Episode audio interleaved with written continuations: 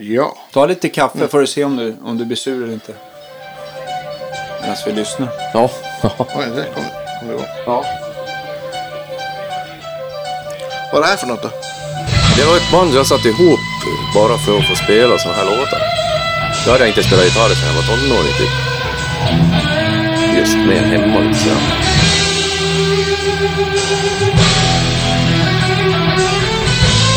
Vi får se om ni kommer på det här.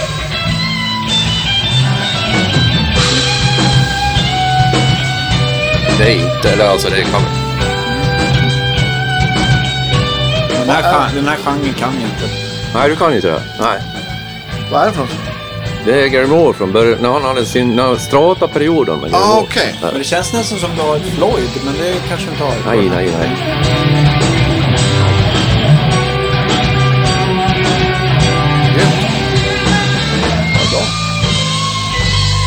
Du har skitsnygg ton. Ja, verkligen. Ja, ni, får, ja, ni får gärna gissa vad ni tror att jag har för grejer. Det är...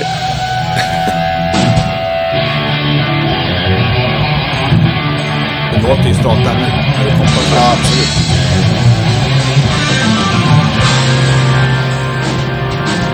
Det blir väl någon solo i mitten, där behöver man väl med.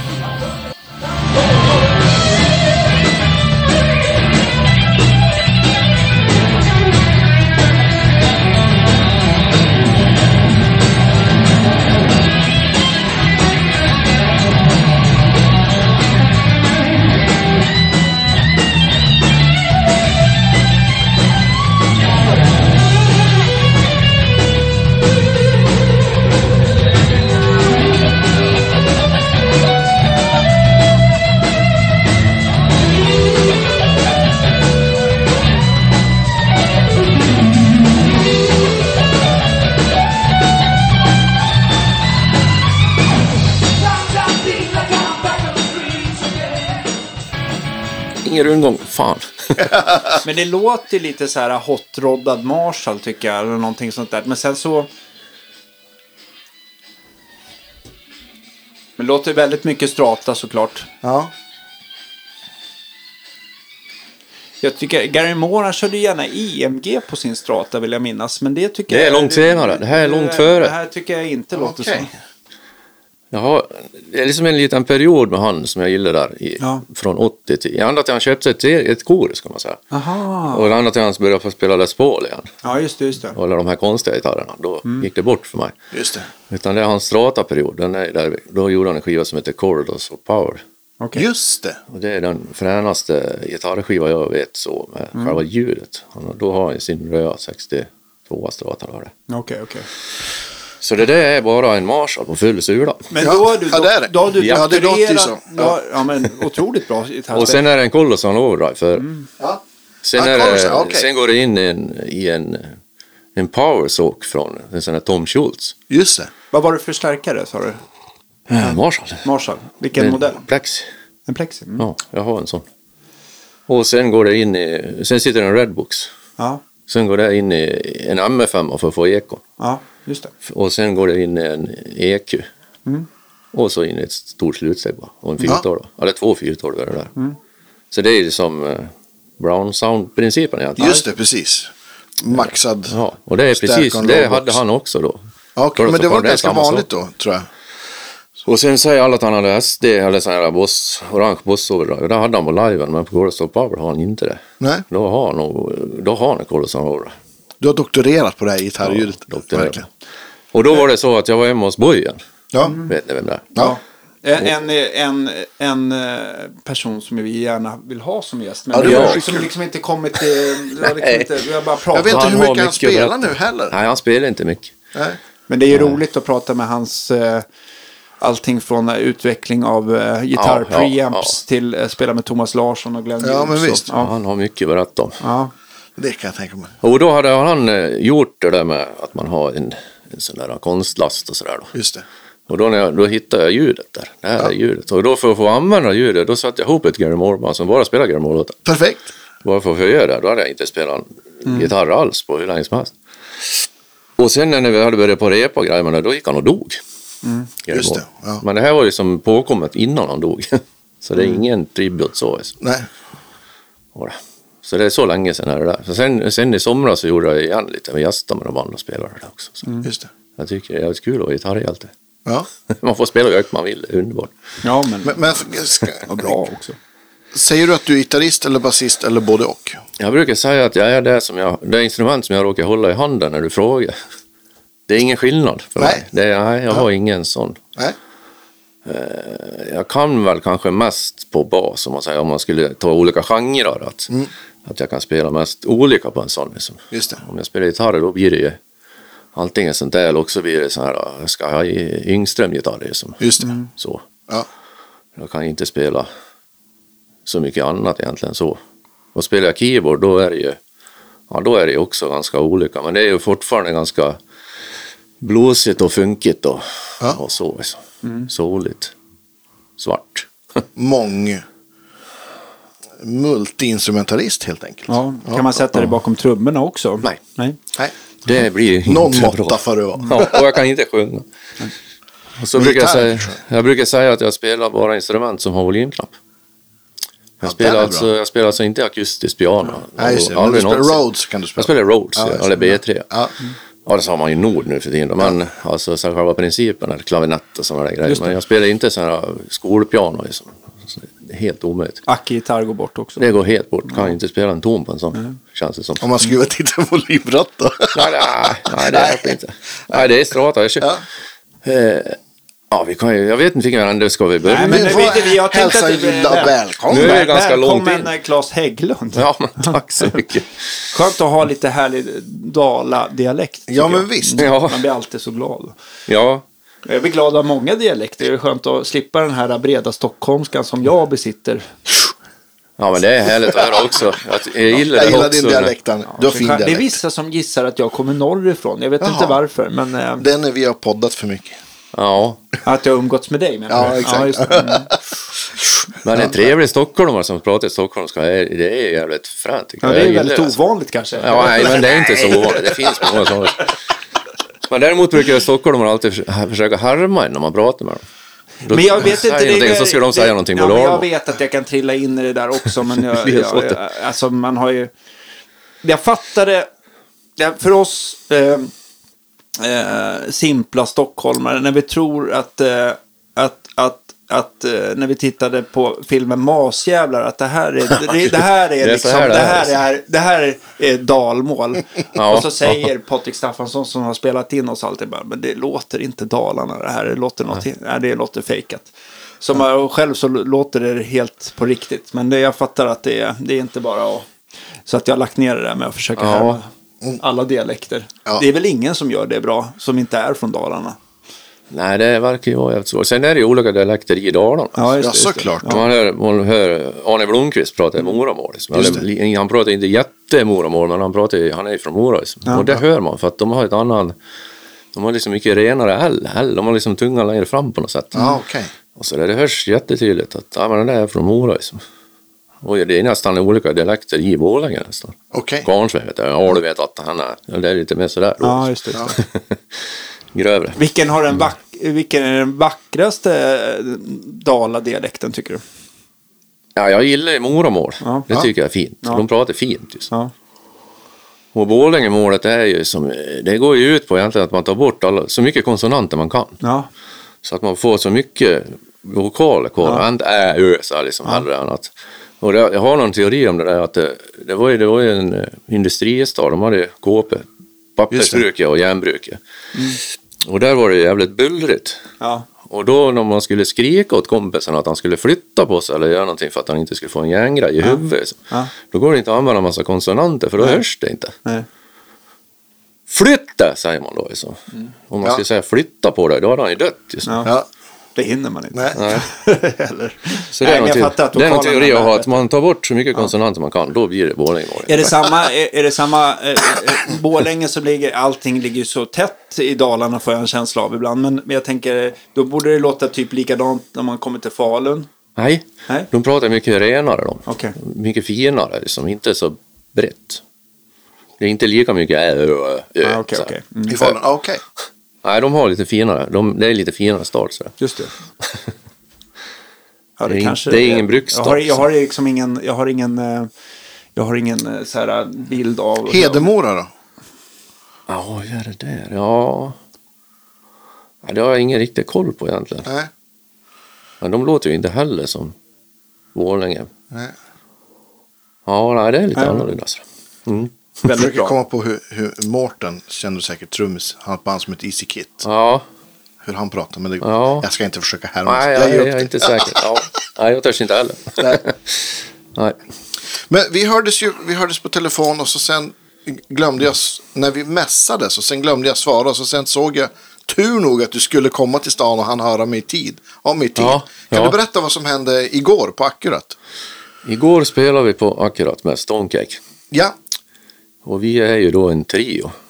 Men igår var vi den otrio, otrio, triogaste trio som finns. För då var vi, vad många var vi? Sju stycken. oj, vad dubbel plus en. Ja, Ja. visst. Ja, vi hade fyra blås med. Jaha, vad kul. Mm. Så vi spelade ett set med, med oss då bara, oss Ja. tre. Och sen spelade vi andra set med blås. Och det kommer sig av att eh, när vi gjorde skivor, det, det var ju för att vi gjorde, egentligen håller vi på för att vi gjorde skivor för 30 år sedan. Mm. Tuesday Afternoon. Tuesday Afternoon var ju en stor hit då. Och jag var med på den skivan och sen var jag med på nästa skiva, Castic Toilets. Sen slutade jag med Stonecake. Eh, Men i alla fall så då, då var det lite blås med på någon, på någon låt så där, redan då. Och sen hade vi eh, turnéavslutningen kan man säga hemma i Borlänge i, ja vad blir det då? Vet, inte höstas utan hösten innan. Då, då hade vi gjort en sån här 30-årsturné. Lite grann då. Och då, ja, då fick de vara med på lite fler låtar. Så det var, jag kommer aldrig ihåg vad folk heter. Det var en fantastisk saxofonman där som har skrivit Arra det där då. Från, härifrån eller Ja, Dalmas? han bor här. Ja, det vet jag, jag kommer inte ihåg vad folk heter. Det är många bra blåsare. Det går, man, man, får kolla på, man får kolla på någon sån här social Ja, med, så, så man kan få reda på det där. Och då, och så när nu då så tog vi med, då var det ytterligare låtar så de fick ett helt set då. just det. Och, vet, och så repade vi i förrgår. Ja. I någon liten, i någon liten skrubb. Och du vet, vi skrattade ju bara. Jag och Marcus och Stummen, vi, ja, Marcus kan knappt spela. Det blir sån eh, otrolig skillnad liksom. Och Ja, det är fantastiskt med blås. Man blir där, och sen är det en baritonman med också. Ja, det är härligt. Eh, Bariton, en saxofon och två trumpeter. Ja. Så det höll vi på med igår på Akkurat. Ja. Har ni, är det så att ni har gjort något nytt eller har ni liksom bara gjort jubileumsturné? Ja, än så länge har vi, då när vi spelar på House of Blues hemma i Borlänge då. Då spelar vi in det och sen har vi gjort en live-skiva av det kan man säga. Okej. Eh, som vi nu har släppt på Spotify och sådana ställen. Fem, fyra, fem låtar i taget. Mm. Så nu tror jag det finns tio låtar ute, eller om det är tolv. Och sen i slutet på mars då, då kommer resten, då kommer hela. Och sen är det väl även tänkt att det ska komma ut i någon vinylskiva sen då. Kul. Med, och då är det ju gamla låtar bara. Mm. Det, Fast de är inspelade live nu. Det, är ganska, det är ganska intressant det där vad som har hänt på 30 år med oss. Som musiker. Men hur länge, hur länge hade ni uppehåll? Ja, själva Stonecrack har jag inte haft så länge. eh, För de fortsatte med en annan basist. Okej. Och så gjorde de fler skivor och sen har de spelat lite sporadiskt hit och dit. De har varit lite överallt. Eh, och så, jag vet inte hur länge det är. Det, är liksom, det har aldrig egentligen varit nedlagt. Nej. Nej. Men sen när vi skulle göra det här gamla igen, då vart jag med igen då. Liksom. För Och vilka är originalmedlemmarna förutom dig då? Ja, det är ju Tommy Liljegren heter han. Ja. Som sjunger och spelar gitarr och sen Ja. är det Marcus Källström som spelar trummor. Precis. Så vi Mar- inte... Marcus som också spelar mycket med Klas. Ja, jag Jo, också. men eh, ja. Marcus har man ju sett det. Han har ju spelat mycket med Yngström såklart. Och sen så har det väl varit... eh, Fatboy. Fatboy och sen så... Eh, Nisse Hellberg. Nisse Hellberg ja. Ja. Precis. Och Apokalyps för, för länge sedan. Just det. Och sådär. En glad trumslagare. Ja, visst.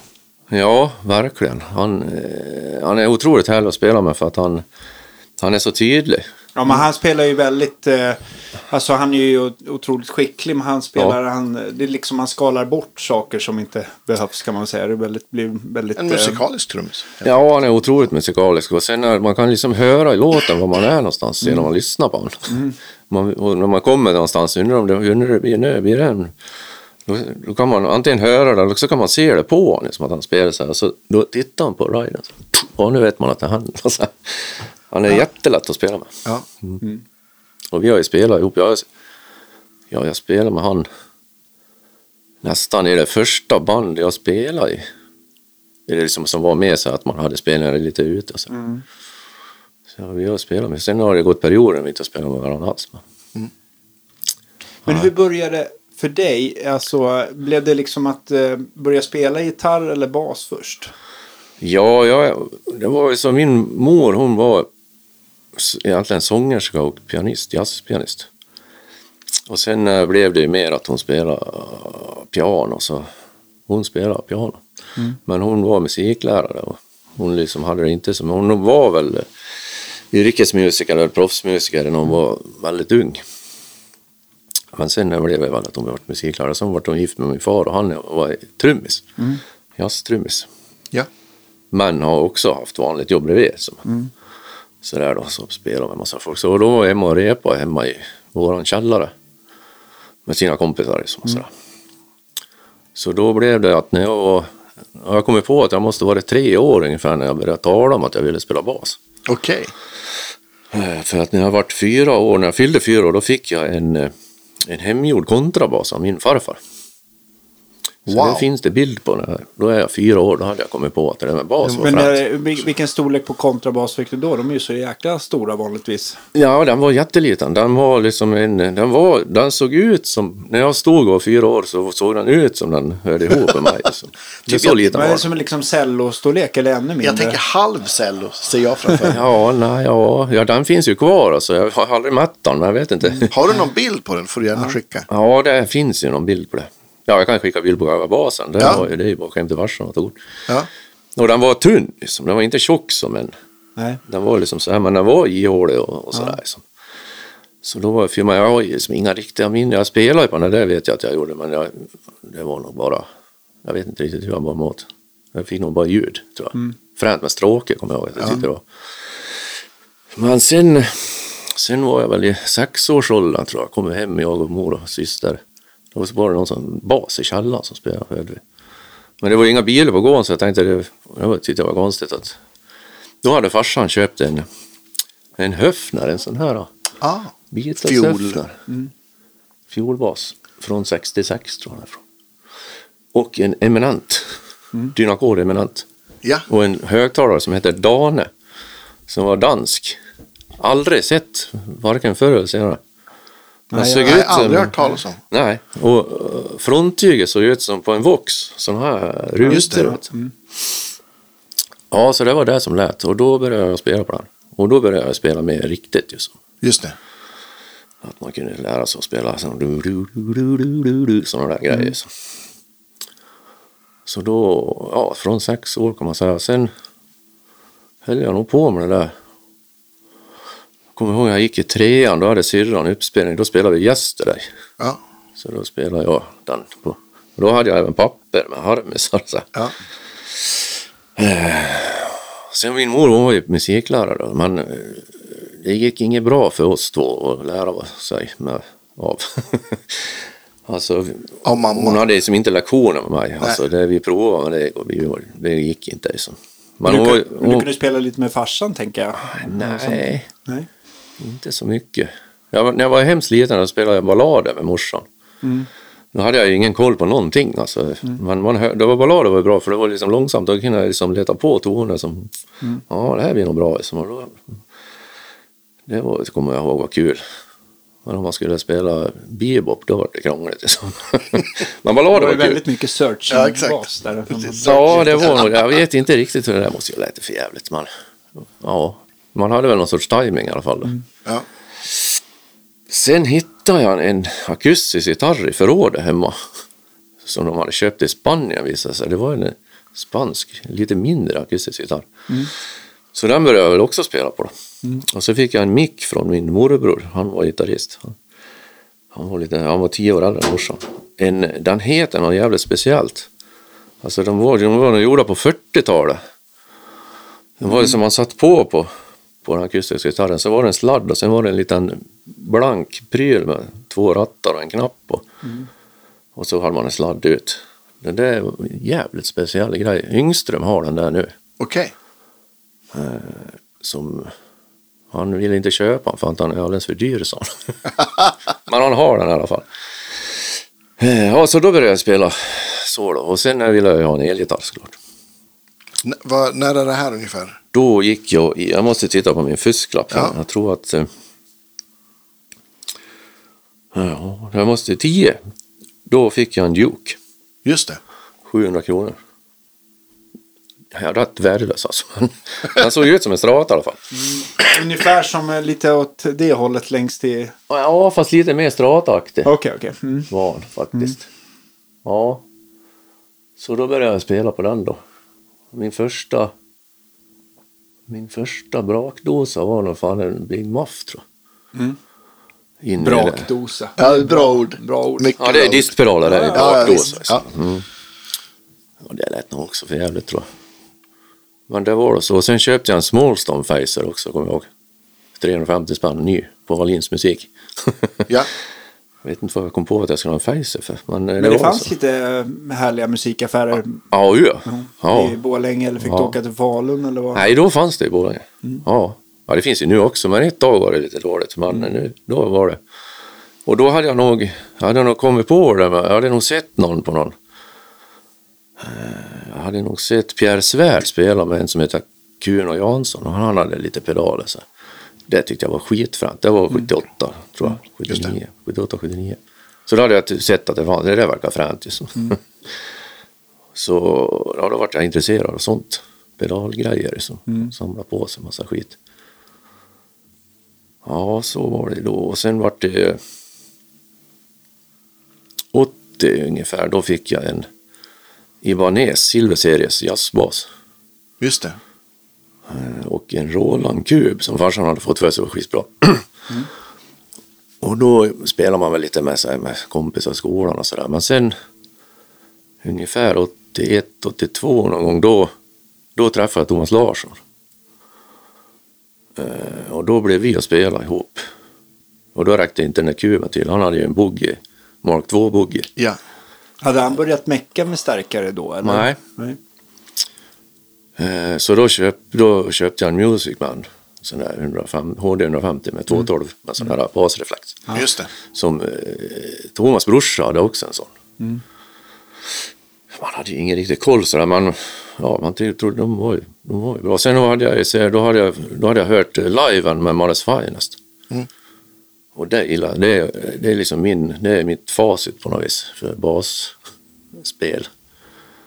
Och då såg man på skivomslaget att eh, han hade också Music Man, så här stackare. Så här.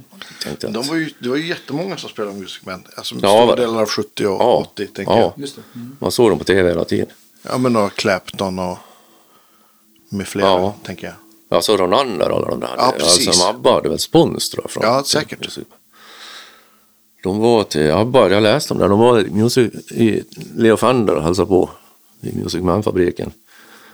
Och han var bara intresserad av att visa den nya basen de har gjort, Stingray-basen. Just det. Ja, ja, det har jag bara läst. Nej, då, så då blev det lite mer då, så då började man spela. Då hade vi ett band som hette Göta Petter. ja. Jag och Thomas, och där var Marcus med och spelade trummor. Ja. Ja, och sen var det en keyboardist och en till gitarrist. Vad, var det för, vad var det för stil av musik ni körde då? Ja du, då spelar vi instrumentalt. Eh, som påminde kanske om... Det var nog lite så här, vi lyssnade mycket på Jeff Beck, Wired, Jeff Ja. Beck. Vet, Thomas och de, de är ju fyra år äldre än mig. Marcus är fem år äldre än mig, så jag var ju bara 13-14 år, 14 kanske jag var. Då. Ja. Nej, så då var det så. Och sen... De tog hand om dig helt enkelt. Ja, det var liksom, jag var ju bara, jag var ju bara intresserad av själva spelandet och musik. Jag ville liksom jag ville liksom vara med dem som jag utvecklade mig. Lärde mig någonting. Jag ville, ville alltid spela med dem som är bättre än mig själv. Liksom.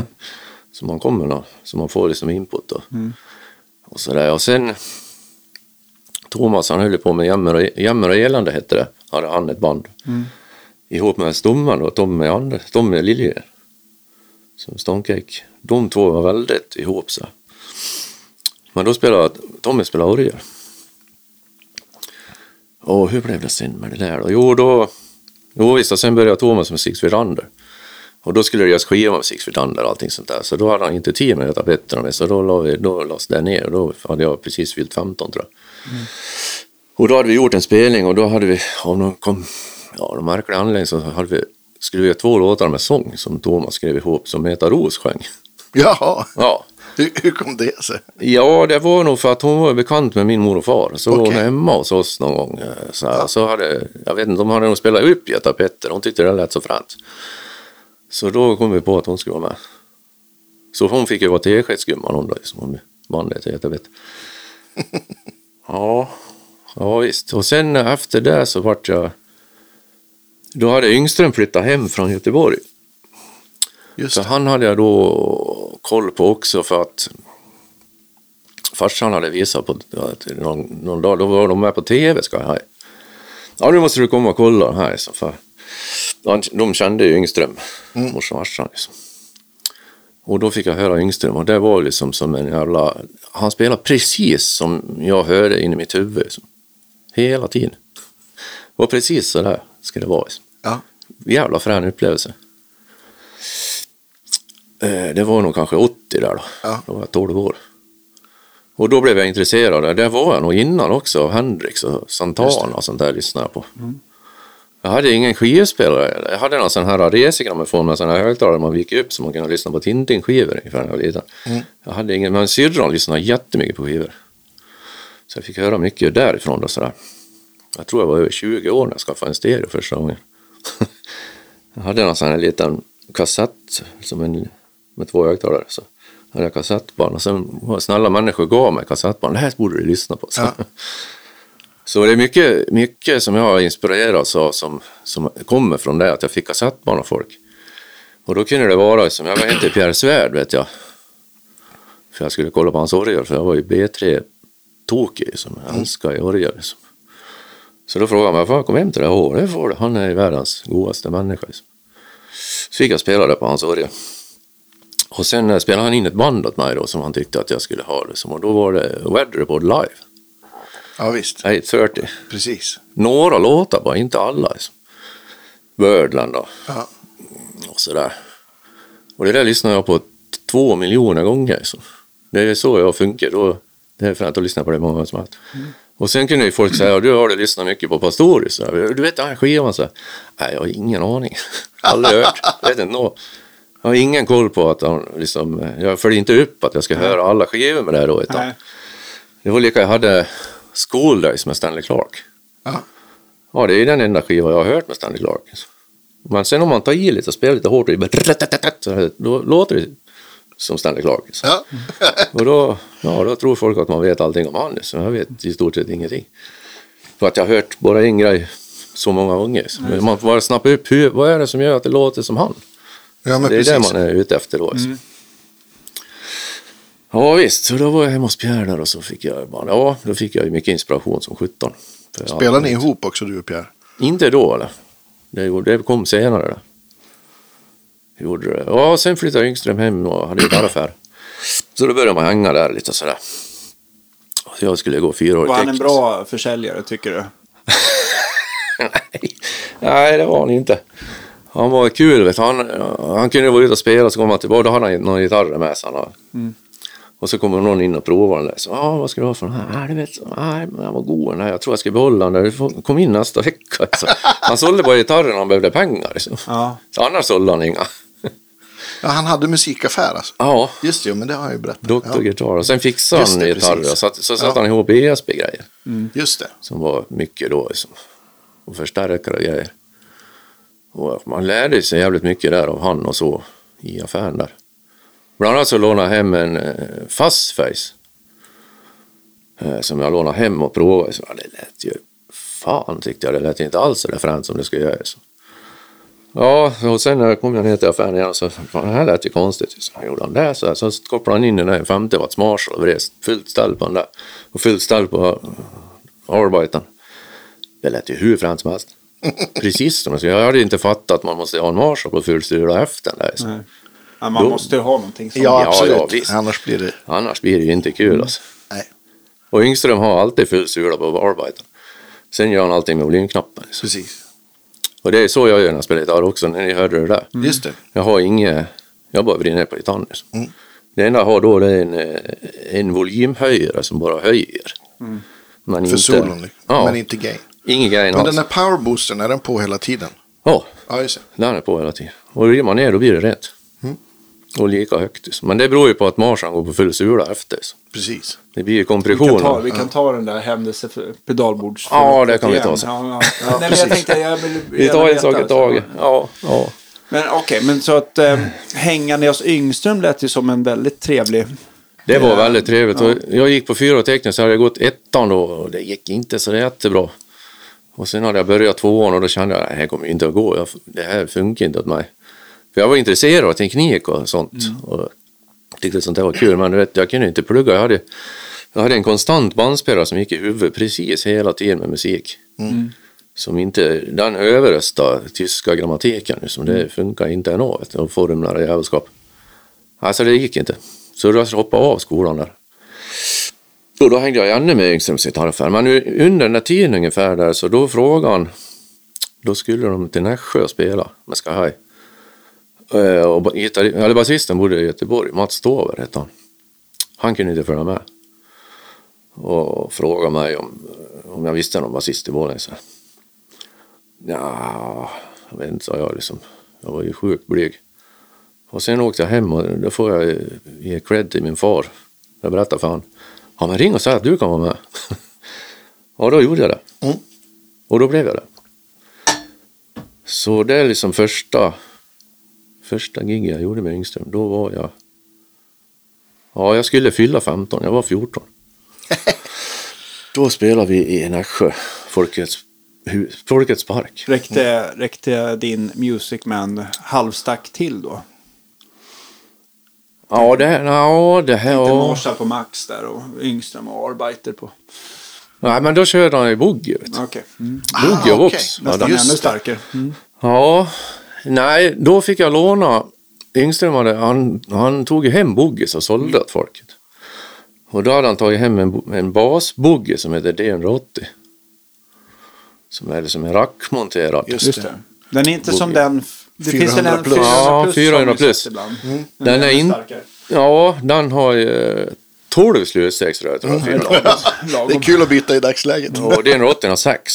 Så D180 är som en sån här, vad heter de? Supertwin, heter de så? De här 180 watts Fender. Just det. Mm, sex, sex, eh, sex eller sex. Ja, Mm. precis. Det är precis samma slutsteg.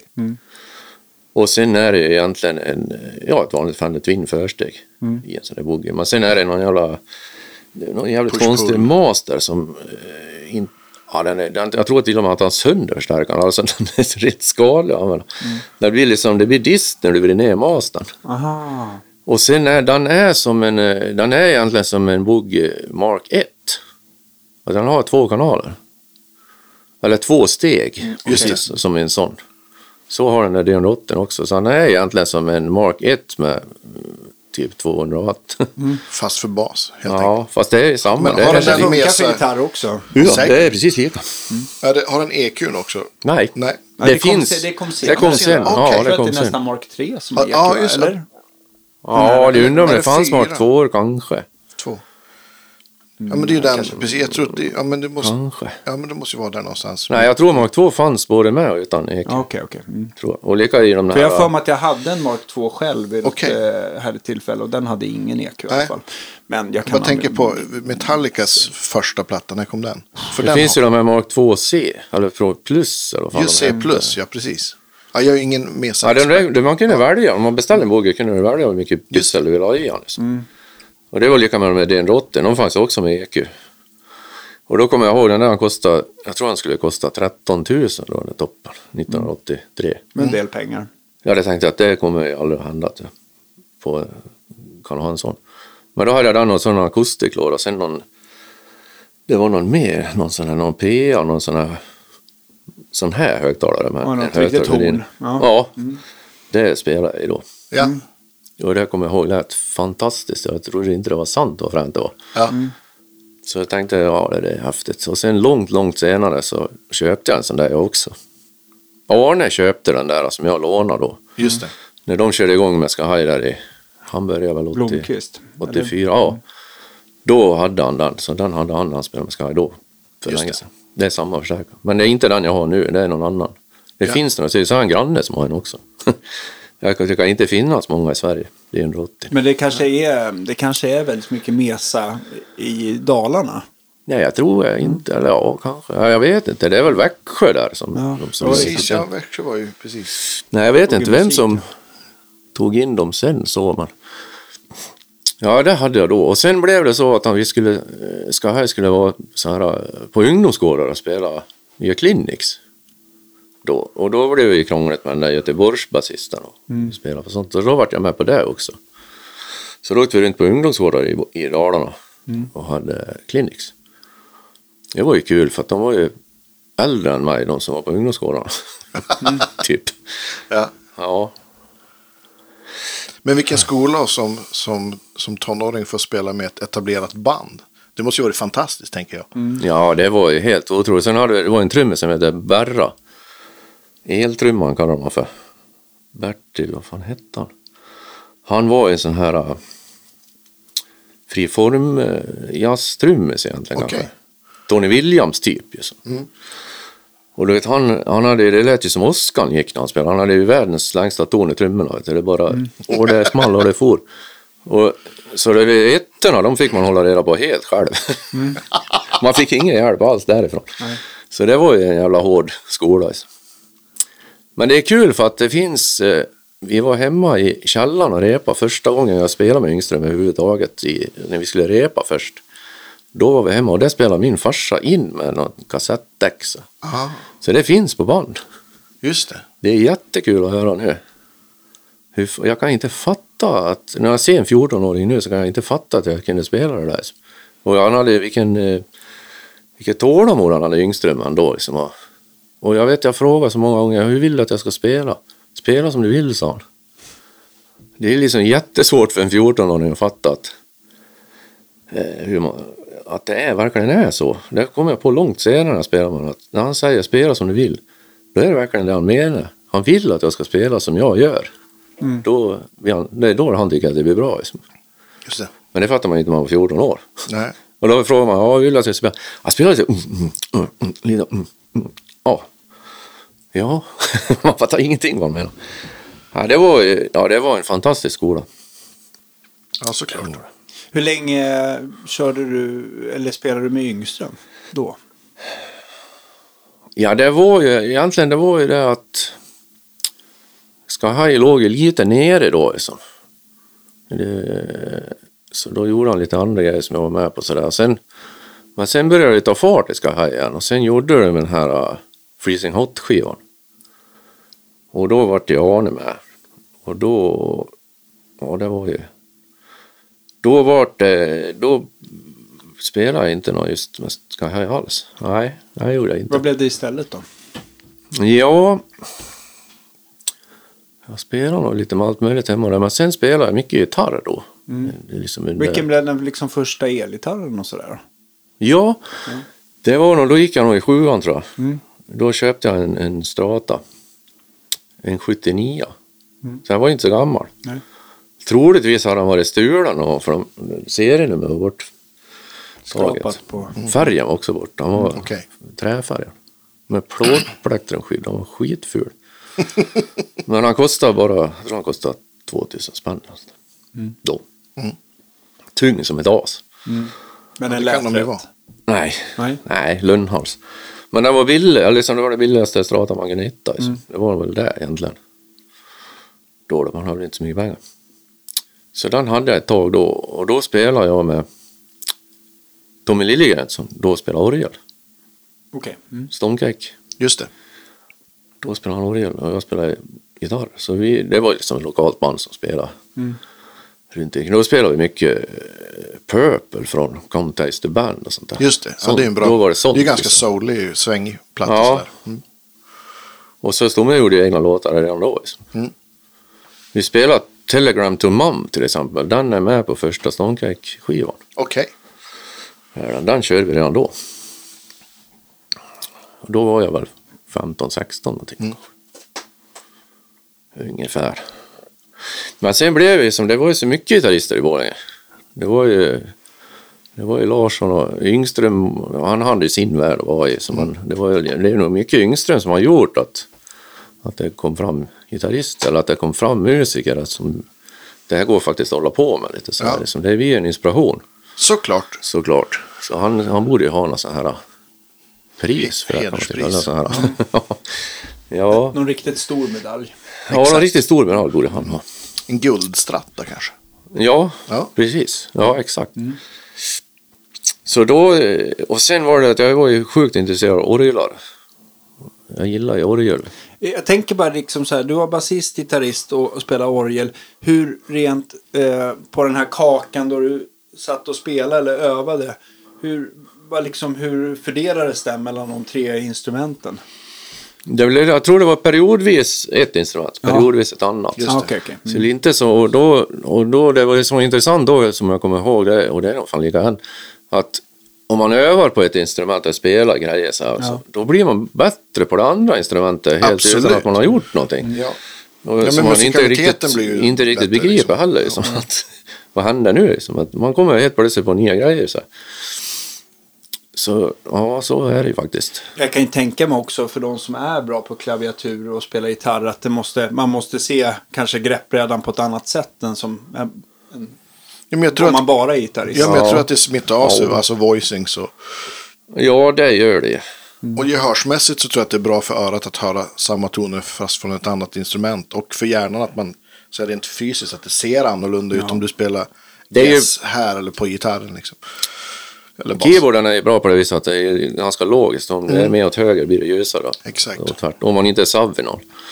Ja, just det. Han, han vände. Precis. Vände på det. Så han hade ljusa här och mörka här. Så, troligtvis hade han någon figur han spelade på det. Men man hör, man hör direkt att nu är det någon skala man aldrig hört förut. liksom. Ja. Och då när man fick se det på YouTube när det kom. Då ser man att han har vänt på det där. Ja, visst. Helt fantastiskt. Jo, men det är bra så. Det som jag tycker är drygt med keyboard det är att eh, om man, liksom, man spelar i de vanliga tonerna så ska man liksom spela burn i Fizz. Liksom. Det fixar jag helt enkelt inte. Så, Mm. Nej, men det jag. kan jag inte. Liksom. Jag är inte nog bra för det här. Men Då känner jag mig precis som en nybörjare. Det känns som fan jag har aldrig, jag hittar ingenting. Ja, men precis. Det är som Men att köra vilse. Liksom. Men då, du, då är det väl bra att ha en nod så du kan trycka minus ett, tänker jag. Ja, och det blev... Så du får spela i G. Ja, precis. Det, det, det är också, jag, tror jag, jag tror inte att någon av oss skulle kunna spela Burn i, i Fizz på ett lika övertygande Nej, sätt. men kan Lättare på Nej. gitarr, Nej, absolut. är jo, men det går. Men Så Det är där är ju ibland blåsare också. De kan ju Ja. bli vansinniga om man väljer vissa tonarter. Eller vansinniga. Men de Ja, tycker att de, de, de bara, tycker att det är drygt. instrumentet låter inget bra. Nej. Fine. Och så är, anpassar man sig och spelar i, i Ja, bäst. I bass och S. Ja, ja. S är eländes tonart för om man spelar bas. ja, om man inte, om man inte bara kör. Hendrix äh, Stäm- stämmer ner. Ja, då stämmer man ju ner. Jag har spelat så här gospelgrejs också. Och då, nästan alla gospelnissar har ju sexsträngade eller femsträngade. Så det beror ju ofta på att det går ju ofta i S. Alltså. Men då brukar jag stämma ner en halv hela basen. Ja. Och sen, men då blir det ju krångligt när man repar. Ja, ta ett F säger han liksom. Ja, just det, då man tänka. Så då blir det mer, ta tonen så vet jag vilken det är. Då hör man vilken det är. För att säga det. Men eh, ja, visst är det ju så. Men, men, men just eh, från om folk som spelar piano, de, det är väl liksom C, G, F är väl ganska populärt Ja, det älskar man ju. Och sen D-moll är ju underbart och A-moll givetvis. Ja, och, allt och, man, och sen har man ju spelat så mycket E så att det blir ju bra med E också. Ja, ja, okej. Men fisk går bort. Ja, Fizz är svårt. H är inte så kul. Men det har jag... Giss borde väl vara tråkigt också. Ja, det går ju inte. Men sen när man spelar med de här gospelnissarna, de spelar ju jazz. Alltså morsan spelar jazz och, och sånt där. Mm. Och bass och, och sådär. De, det är en vanlig sak egentligen. Mm.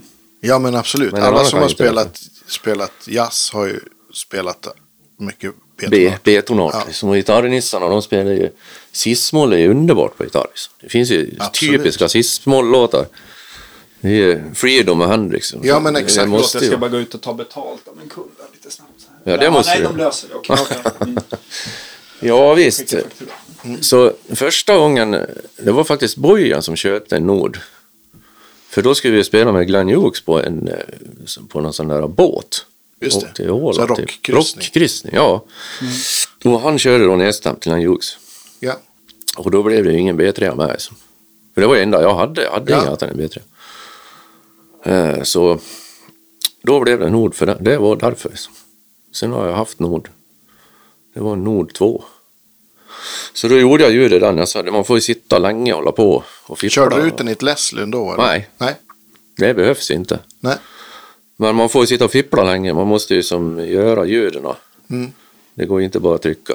Det blir inget bra alls. Nej. Tycker. Fabriksljuden är Nej. under all kritik. Nej, de, Nej. Alltså, det var väl egentligen det bästa man har hört då ändå egentligen. Så, så man, det är liksom man får vrida till det lite. Om man vet hur en B3 fungerar då blir det lättare Ja, att göra det där. Så. För jag Så tänker så här, jag, jag förstår att som organist så är väl, eller den här typen av musik i alla fall, att, att B3 är väl facit. Ja, det är ju originalet. Det, så, Ja, och sen så finns det ju några mindre versioner av B3. Ja. Ja. Är det M100 någon heter? Ja, Munnan är också bra. Den har ju liksom samma förstärkeri som B3 Precis. Ja. och är ganska... Den är rätt så nära. Men ska man bara spela ren rockmusik alltså. Ja. Då är ju även en L100 hur bra som helst. Den är nästan ännu bättre Ja. då. För att den har... Men är inte det ens, många kör L100 Ja, till, om det är liksom rock, hårdrock. Men finns det L och M100? Ja. Eller? Okej. Mm. och de ser lite lika ut. och har- De har inte så mycket tangenter som en B3. De har mindre Okej. tangenter. Ja, Man har inte de här, vad heter det, preset. Nej, det är det inte heller. Nej. Nej. Jag undrar om det finns någon sån här tunga trycka på att man får full, full, tror jag på de där. Som preset. tror Just jag. det. Men en L100 är liksom, de låter mycket hår, vassare hår. De har ju inte så mycket botten i en sån. Som en V3. Ah, Okej, okej. Så de liksom sticker ut mer. Bra om man har en eller två gitarrer. Ja, det är bra. På 80-talet, ja, det- då kommer vi fram där då till att jag spelar gitarr. Och sen spelar inte jag så mycket gitarr mer heller sen då när jag varit Men, men du, 16, vi, 17. vi, vi måste ju prata mer om Glenn Hughes här. Ja, det kommer, det kommer. Ja, vi kommer. till. Ja, Eh, då, då var det så att eh, då hade jag frågat Yngström för då var de lite ute och spelade. Har du sett någon B3 någonstans eller någon rolig hammondorgel? så här? Ja, det står en B3 i någon musikaffär i Danmark. En kapad. Ja. Ja, den skulle de ha 7000 spänn för tror jag. Då. Ja, men eh, då skulle de till Danmark. Så ja, men köp den till hemma. Så då köpte Vad de innebär den. att den är kapad? Då är benen borta. Benen är borta. Och är i liksom- baspedalerna är Baspedalerna är borta, volympedalerna och allting Okej. är borta. Men det var i alla fall en B3. Och det gör ingenting för baspedalerna och ingenting du använder, eller? Nej, inte, jag har inte använt det då. Jag kommer till det också lite då, men eh, eh, det dumma är att volympedalen inte är med. Så jag köpte någon sån här Morley volympedal, sån stor. Jag ville ha något stort jävelskap som inte bara far kring under. Ja, visst. Och sen gjorde jag några bockar och ställde dem på. Och sen hade jag, så köpte jag ett Leslie. Och sen hade jag 100 watts Blexy Marshall. Bra rigg. Ja, för då hade jag sett, jag hade sett konstigt nog Jerusalem eller sådär bandet på tv. Och då, jag kommer ihåg en, det var en låt som slutade, han hade en L100. Och så var det Leslie och så stod en Marshall på den där, och så var det ett slutackord. Så.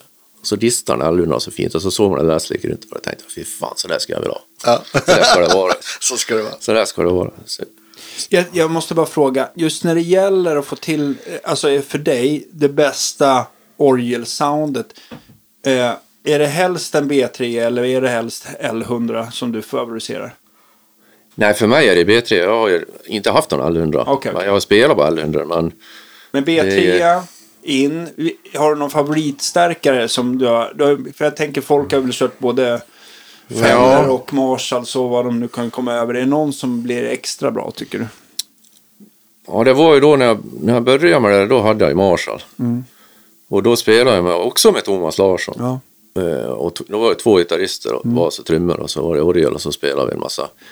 Alltså den, eh, den gick ju på full sula jämt, min Marshall, i den här orgeln. Alltså det var ju, jag kan inte fatta idag. Jag provade hemma som den Det är starkt. in i helvete. Och så hade jag JBL-driver i. Det hade jag hört att de var starka och bra. Jag vet inte hur många sådana här spelade sönder. Eh, Men det var så det var då, så det var inget konstigt med det. Men eh, var- det något, är det något Leslie då också tyckte var liksom det här är, det här är ändå det bästa liksom? Eller för det finns väl några olika? Ja, det var ju 760 Leslanda, de har ju transistorförstärkare och de är aktivt delade. Så de har aktivt delningsfilter.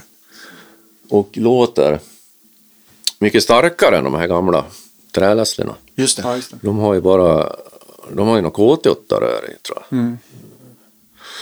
Så de är inte så starka, men de låter ju fint. Eh, Men eh, ja, jag körde Jag har alltid haft någon förstärkare emellan. Just det. Och då hade jag Marshall först, men sen, eh, sen har jag kört Dual Showman hur länge som helst. Okej. De är liksom, ja, de- är liksom EU-skopade. Mm, Precis. i Marshall är mycket hårdare alltså. Och då var det väl med att man var inne, jag hade liksom Pierre Svärd var ju, han, han spelade, det finns någon skiva han spelar med Peter Ekberg från slutet av 70-talet. Där han har världens brutalaste orgelljud alltså. Också i Bell Driver och så Dual Showman. Så det där gillar jag som fan, så då skaffade jag en Dual Showman. Bra musikstad Borlänge ändå. Ja, för Pierre var också en sån där upplevelse, precis som Yngström, att när jag hörde han första gången, han spelade precis som det lät in i mitt huvud. Så jag har, jag har tänkt på många vilken otrolig jävla tur jag hade som hamnade i där de, de, de människor som spelar det fränaste man vet bor bredvid en typ. Ja, Jag menar, det hade ju lika gärna kunnat vara någon som bodde i, i USA troligtvis annars. Liksom. Men att det fanns i Borlänge. Det var jävligt otroligt bra. Och sen efter Dual Showman, den, såld, eller den bytte jag bort mot att de skulle renovera min Marshall. För den hade, det var inte någon mycket grejer som var bra i den då. Efter ett liv på full sula. Ja, men jag kan tänka mig också att det blir sån otroligt jävla drag in med en orgel också. i ja men exakt. Ja, det är, ja. liksom, det är inte som en stratta-mick direkt. Nej. Och sen, fast jag hade liksom en volymknapp in i orgeln. Ja, Jag okej. kunde ställa mycket output jag ville ha. Ja, just det. Eh, ja visst, sen hade jag en Bo- DN Rotten, den byggde han, det var han eh, Hermansson som bygger förstärkare. Mm. Som hjälpte mig med det där. Just det. Då byggde han om min DN Rotte också så han tog bort den där konstiga mastervolymen och satte i en. Mm. vanlig master. Då blev han ju precis som en Mark 1 för Showman Hermansson ska vi försöka få. Han har jag skrivit är lite med. Kuligt frän alltså. Ja, och Bojen såklart. Och bra att spela också. ja och med Larsson också. Ja, absolut. Ja, Ja, ja med med alla. Ja, mer av alla. Ja. Men jag tänker också, för då blev, för en Dual Showman, eh, så vitt jag vet, det är väl egentligen en, mycket en Twin, fast du Ja, har det inte är, högtalarna det exakt. Ja, det är precis som en Ja. twin. Och det är även... Ja, sen, ja, då bytte jag ju bort den mot det här jobbet då. Mm. För då hade jag ju som, jag hade boogen och det var ju också samma försteg. Så jag hade ju som det ljudet i den. Just det. Så sen dess har jag kört boogen i orgeln. Men det, den, den, den brände väl element också? Så Ja, men man spelar inte så starkt längre. Nej. Av någon konstig anledning. Du, hur, har, hur mår öronen idag efter alla Plexis och Dual Showmans? ja, det är inget fel på dem. Nej, skönt. Alltså inte mer än åldern. Mm. Och sen har jag jobbat i verkstadsbuller och sådär Mm. också. Så att man, jag är helt förvånad själv. Men det är lika Yngström och Åhman, de här är otroligt bra för. Det är jävligt konstigt. Man träffar unga människor idag som säger att ja, vet, om vi inte har en plexigrej framför trummorna då kommer vi bli döva. Liksom. Ja, men det har ju funkat rätt bra hittills ändå. Det har funkat. Men en del blir ju, får ju tinnitus och Mm. blir dåligt med öronen. Så. I vilket Vi sammanhang, eh, i vilket band har du spelat där volymen var som sjukast högst? Ja, då kommer vi in på 90-talet när, när jag hade slutat med Stonkek. Då satt Per Wiberg, organisten. Ja, just det. Ja. Ihop. Också en fantastisk eh, Ja, dam. ja, han är ju också helt makalös. Då hade han satt ihop ett band som hette Death Organ. Okej. Han spelar orgel och Marcus spelar trummor. Ja. Marcus spelar ju ganska starkt vill jag minnas. Ja, han spelar starkt. Han kan i alla fall. Ja, ja, ja, ja han spelar starkt. Han slår hårt som fan. Och sen var det två sångare. En, ena var en sån här growl, en sån. Och den andra sjöng lite allt möjligt. Och så Wiberg sjöng också. Och även Marcus lärde stämmer och grejer. Och jag spelade åtta strängad bas. Coolt. Alltså fyr, som King Sax. Precis. Kör ju ofta Oktav. stålsträngad, alltså oktav. Ja. Eh, Det gjorde jag redan med Stonekick också. Eh, Lite grann sådär. Men ja, ja visst, och sen hade jag en jävla massa piraler. Sen hade jag, då hade jag också Leslie. Fast då hade jag ett gitarr-Leslie, Fender-Leslie. Just det. Och Marsan. Och sen hade jag basrigg bredvid. Och Coolt. så blandade jag det där. Finns det här utgivet som man kan lyssna på? Ja, det, gör- vi gjorde två skivor. Ja. Death Organ. Eh, och Wiber hade sitt Leslie och en orange top. Och han spelade sönder drivarna. Ah, det gick inte att spela. Han lånade mitt Leslie, det gick också sönder. Till slut hade han, då fick han ha en Leslie-simulator och någon, och någon gitarrigg. För att det skulle gå. liksom. Det är nog, det är nog fan det starkaste jag har gjort. Tror jag. Då är det så- högt. Då var det Stackars de som sjöng, tänker jag. Ja, det, på något vis gick det också bra. Ja. Och sen hade vi hade jag ju pedaler. Jag hade inget pedalbord. Det brukar jag aldrig ha. Det har jag nu. Men det Kom i brukar- kassen där. Eller? Nej, jag hade det nog i någon jävla lodda säkert. Men jag gillar att koppla. Och sen visste man ju aldrig när man gick och hemifrån vilka grejer jag ville ha. Liksom. Nej, jag fattar. Eh, Och sen kanske jag skulle ha någon grej till någon gitarrgrejs eller till någon... Då fick man plocka sönder, eller så det funkar inte med pedalbord. Och då kunde det hända att någon jävla sångare helt plötsligt trampade på någonting för mig så det började låta konstigt. Och sen var det någon gång, sen hade jag Taurus-pedaler också. Just det. Så här Moog. Baspedaler liksom. Ja. det är bas. Man tror ju att det är baspedaler men det, man kan ju få dem där att låta ljust också om man vill. Det är egentligen bara som en väldigt primitiv minimoog. Just det. Eller så här Moog Roach tror jag de heter. Som de egentligen är eh, lik. Och sen spelar man ju med, med fötterna. Då. Och då vet jag, det var något parti då spelade och då kunde jag spela några melodier då på basen. Och så skulle det bytas något ljud där borta. Liksom. Jag kunde inte gå ner i spagat just, men det hade jag inte lärt mig. Så då fick jag någon sångare på något visst ställe trycka på några knappar åt mig på pedalbordet. liksom, spelade för att jag, för att Moog jag hade samtidigt, fullt sjå med den Moog. Ja, det var ett jävla roligt band. Och vi fick någon recension på någon skiva, det var någon recensent som har skrivit att ah, han tyckte inte det var så bra, det var lite, nej, det var inte så jävla bra. Men det var ju vissa gitarrpartier var ju fina tyckte han. Det var ingen gitarr med.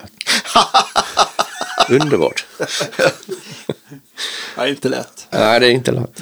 Nej, det var kul. Ett Det, elakt Emerson Lake Ja, men Palmer det, typ. var, Ja. det där måste man ju lyssna in. Ja, verkligen. ja, det var en jävla sjuk orkester. Men, vi, men nu, jag fattar att vi också hoppade över en ganska lång tidsperiod. Men det var bara roligt att höra i alla fall. Ja. När det var som starkast på scen. Ja, ja, ja, visst. Ja, ja precis.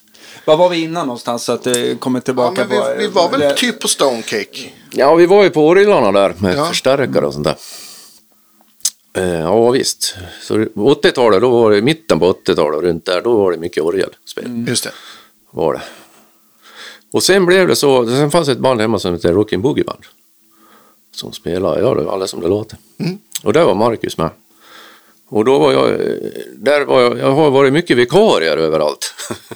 Folk ringer till Ja, mig. men du kan ju allt. Ja, Och då, perfekt. och då får man fråga, Perfekta ja, vilket? vilket, instrument ska jag ta med mig? Så. och boogiebandet var så, då kunde det vara antingen vara basist eller organist. Lite or- Wiberg spelar orgel där. Mm. Och ibland då är det han något annat för sig och då spelar jag orgel. Eh, och då hade vi varit och spelat i Norge tror jag och Marcus var med. Och, och så hade vi, jag vet inte, vi hade packat in några grejer, vi hade väl kommit hem på något. Så jag och Marcus var kvar i någon lokal där. Och så ska, ja, då pratade Marcus om att han och Stommen hade ett projekt liksom, som, som heter Stonecake. Som skulle, få, skulle göra en singel. Och, då, behövde, och då, då, då kom Marcus på att, ja men just det, du spelar ju bas. Liksom. Vi spelade ju bas i början på 80-talet. Ja, spelade jag basband. Men sen har jag, han tänkte att jag var en organist. Liksom. Ja, ja, det, ja, vill du vara med då, sa han. Så, ja, jag tänkte det kan vara kul att få spela in en singel. Jag hade inte spelat in någon skivor på någon skiva alls då. Ja visst, det kan vi göra. Så då, där, då blev jag med i Stonecake. 89 tror jag det var. Just det. Vart eh, spelar ni in någonstans? Då spelade vi in i Koppom. I Silence Studio. Just det. Var ligger det? I Värmland, mitt i ingenstans. Okej. Legendarisk studio. Ja, det kan man lugnt säga. Anders Lind heter han som har den. Ja, han är ju otroligt legendarisk. Alltså. Det är han som spelar in Hansson och Karlsson och sånt där. Okej, okej. På 60-talet. Och sen, eh, det finns en dokumentär om Silence-studion på, på SVT tror jag. Den är värd att titta på. Det är den delar vi. väldigt mycket Har du musikhistoria? Ja, men det var ett tag sedan. Jag, kom, jag tror att jag har sett den. Ska jag nog, är nog mer sant. För sånt där det är ju superroligt att Ja, se. verkligen. Ja. Oavsett om det är egentligen musik man tycker mer eller mindre om. Nej, Ja, det spelar inte så stor roll. Nej, nej, exakt. Det är musikhistorien som är intressant där. Och Han har ju hur mycket musikhistoria som helst. Han har ju även band som inte har kommit ut och så med saker och ting. Tror jag. Ja, ja, det, det var jävligt. Men jag fattade inte så mycket av det där då när jag var där. Jag har varit lite sådär att jag har ju som inte hur ska man säga, jag har inte varit så nödig över själva musiklivet egentligen. Nej. Sådär. Men nu i efterhand tycker man ju att det är skittränt att man har varit där. de var ju i Stockholm och bodde i Stockholm och hade studio där och allting. Och sen kom de, det var ju som 70-talet skulle de flytta ut på landet och bli, Precis. odla och greja. Och det gjorde ju de. Och så byggde de liksom så att folk kunde komma dit och bo där, vara där. Och så Ja, just det. kunde det vara en jävla massa sängar. Så det kunde bo folk. Men ändå så här otroligt skönt att komma iväg och inte ha en, den här gummisnodden som drar en hemåt på Ja. att man måste sluta. Eller någonting, Utan man kör så länge man orkar. Och, Precis. Ja, det är ju lite, ja så är det. Så är det lite även när man spelar, när man är ute och spelar också. Ja. Hemma är det ju som så mycket projekt runt omkring. Så, så, så grejas. Men det är kul också. Alltså där gjorde vi den där singeln, Bite the Stone Cake. Ja. Eh, och sen blev vi då, ja han som gjorde den där singeln, Ingemar Magnusson som har folkrock i Borlänge. Han hörde väl sig för med hur han skulle göra för att komma vidare och sånt där. Och då, då blev det att vi skulle träffa någon skivbolagsfolk i Stockholm och då, skulle, då hade vi en spelning i Avesta på en pizzeria. Och då fick de komma dit, de där skivbolagsgubbarna. Och, ja, de tyckte det där var fränt. Sen kom vi ner till dem och spelade låtar på deras kontor typ. Och då fick vi skivkontrakt med. Så vi fick göra den här skivan. Sen det, Vilket år är det här? Typ 90, Ja, 92. 91, 92, just det. Ja. 91 måste vi ha vi gjorde skivan. Tror jag. Sen är det en lång historia med hur det var med skivbolaget. De, de gick ju typ i konkurs när allting skulle börja på att hända och hade liksom att när det skulle tryckas upp skivor så ville inte de som tryckte upp eh, trycka för de fick inga pengar. Och man, den stommen, Tommy han kan det och Marcus kan det mycket bättre. Jag, bara, ja, jag kan inte det där. Men det var total kaos precis med precis allting. med hela det där som hände då. Liksom. Vi sa ju som, ja, ni får inte släppa den här låten först som singel utan ni måste släppa det här först. Och de hade ju inga pengar så de släppte the Moon direkt. Liksom. För det kunde vara ju deras snabbaste sätt att få in pengar på. Just det. Så allting som vi sa gjorde de tvärtom. Det var, ja, det var helt... Och sen fick vi en bokare som gjorde likadant han också. Ja, vet, vi vill inte spela här och här och här. Ja, vad hände? Jo, vi fick spela på sådana här diskon, vet du. Ja. Med så här 40 minuters uppträdande med den artisten som folk har sett på tv. Det var ju helt... Det är ju absolut tråkigaste spelet jag gjort i hela mitt liv. Var ju- ja, men var felbokningar är ju var inte ju kul inte, alltså. Det De ju- ville ju bara höra den där kända låten och sen, då är Sköt de ju sen ja. störde vi bara dem i deras raggning typ. Mm. Det var inget kul. Festivalen var kul. Det var roligt att spela på. Typ Hultsfred och så. Ja. ja. Men när vi spelade på Hultsfred, då, då var Sator var där samtidigt. De är ju också från Borlänge. Ja. Så då när vi spelade, då Chips var för de runt, eh, runt och någon satt uppe i trossen och de hejade på i så många. Tjoa bredvid oss liksom så där. Det, var, det var jävligt roligt. Sen när, när, när vi spelade färdigt, åkte jag till Stockholm för att jag skulle kolla båtdrag racing. Så jag, det tyckte jag var roligare än att vara på Hultsfred i backstage. Ja. Den nivån ungefär är jag i det där. Ja. Ja. Nej, sånt var kul. Men sen blev det, det måste ju bli något annat skivbolag sen då. Nej, konstigt nog Nej, var det okej. samma igen. Men de gick inte i konkurs utan ni kunde, de höll sig över. Tuesday Afternoon räddade bolaget. Om de gjorde en om... Ja, jag kan inte det hur det vart. Men på något vänsters vis så fick vi samma igen. Vi trodde väl att det skulle bli bra den gången. Men Mm. det vart inte bra då heller. Ja. Nej visst, så det var så då. Och sen... eh, När andra skivan vi gjorde, det var ju det också. Vi gjorde totalt självmord på oss själva för att i och med att vi gillar ju inte det där. Vi hamnade i fel fack helt enkelt eftersom Mm. folk trodde vi var ett popband. Ja, det är det popbandet från, som, som låter som Beatles. Och det var vi ju inte. Vi var ju ett rockband Mm. egentligen. Så. Där Tuesday-låten den kom ju liksom bara till för att få lite lugn och ro i öronen med, när man lyssnar på skivan. Liksom. Att det skulle bli någon hit och så där tänkte inte vi på. Så det var, det var tråkigt alltihop. Ja, men det är som det här, vad heter det amerikanska bandet som hade en hit också på 90-talet som heter Two tänker- Princes. Hur kan, jag kommer inte ihåg vad de heter, men, men det är ju liksom också, det är ju ett rock, rockband, förutom den låten. Men jag tänker även så här Mr Big och Extreme. Ja, ja, ja, visst, som absolut. har haft stora så här balladhits. Och Ja, sen, så, sen så kommer allt annat som folk, tjejerna längst fram inte vill bli Nej, chockade över. Ja. Så. det där kommer alltså från hårdrocks, alltså på 70-talet med hårdrock, det var ingen tjejer som köpte skivor, hårdrocksskivor. Så la man in någon ballad. Och sen kom de ju på den geniala idén om vi lägger in någon smörig ballad här och så ser killarna lite gulliga ut. Då kommer tjejerna också köpa skivor. Då blir, Mm. hund- ökar vi kundunderlaget med fa- 100 procent eller vad Ja, blir det? Ja. Så det är därav hårdrocksballaden tror jag. Lite tror jag. Sådär. Ja, Ja. men, men eh, liksom det, eh, hur länge liksom körde ni på med Stonecake innan du inte... Ja, det började ju där 89 då, och så spelade vi, då spelade vi mycket på nationer. Och vi var lite, det var egentligen den roligaste tiden innan det.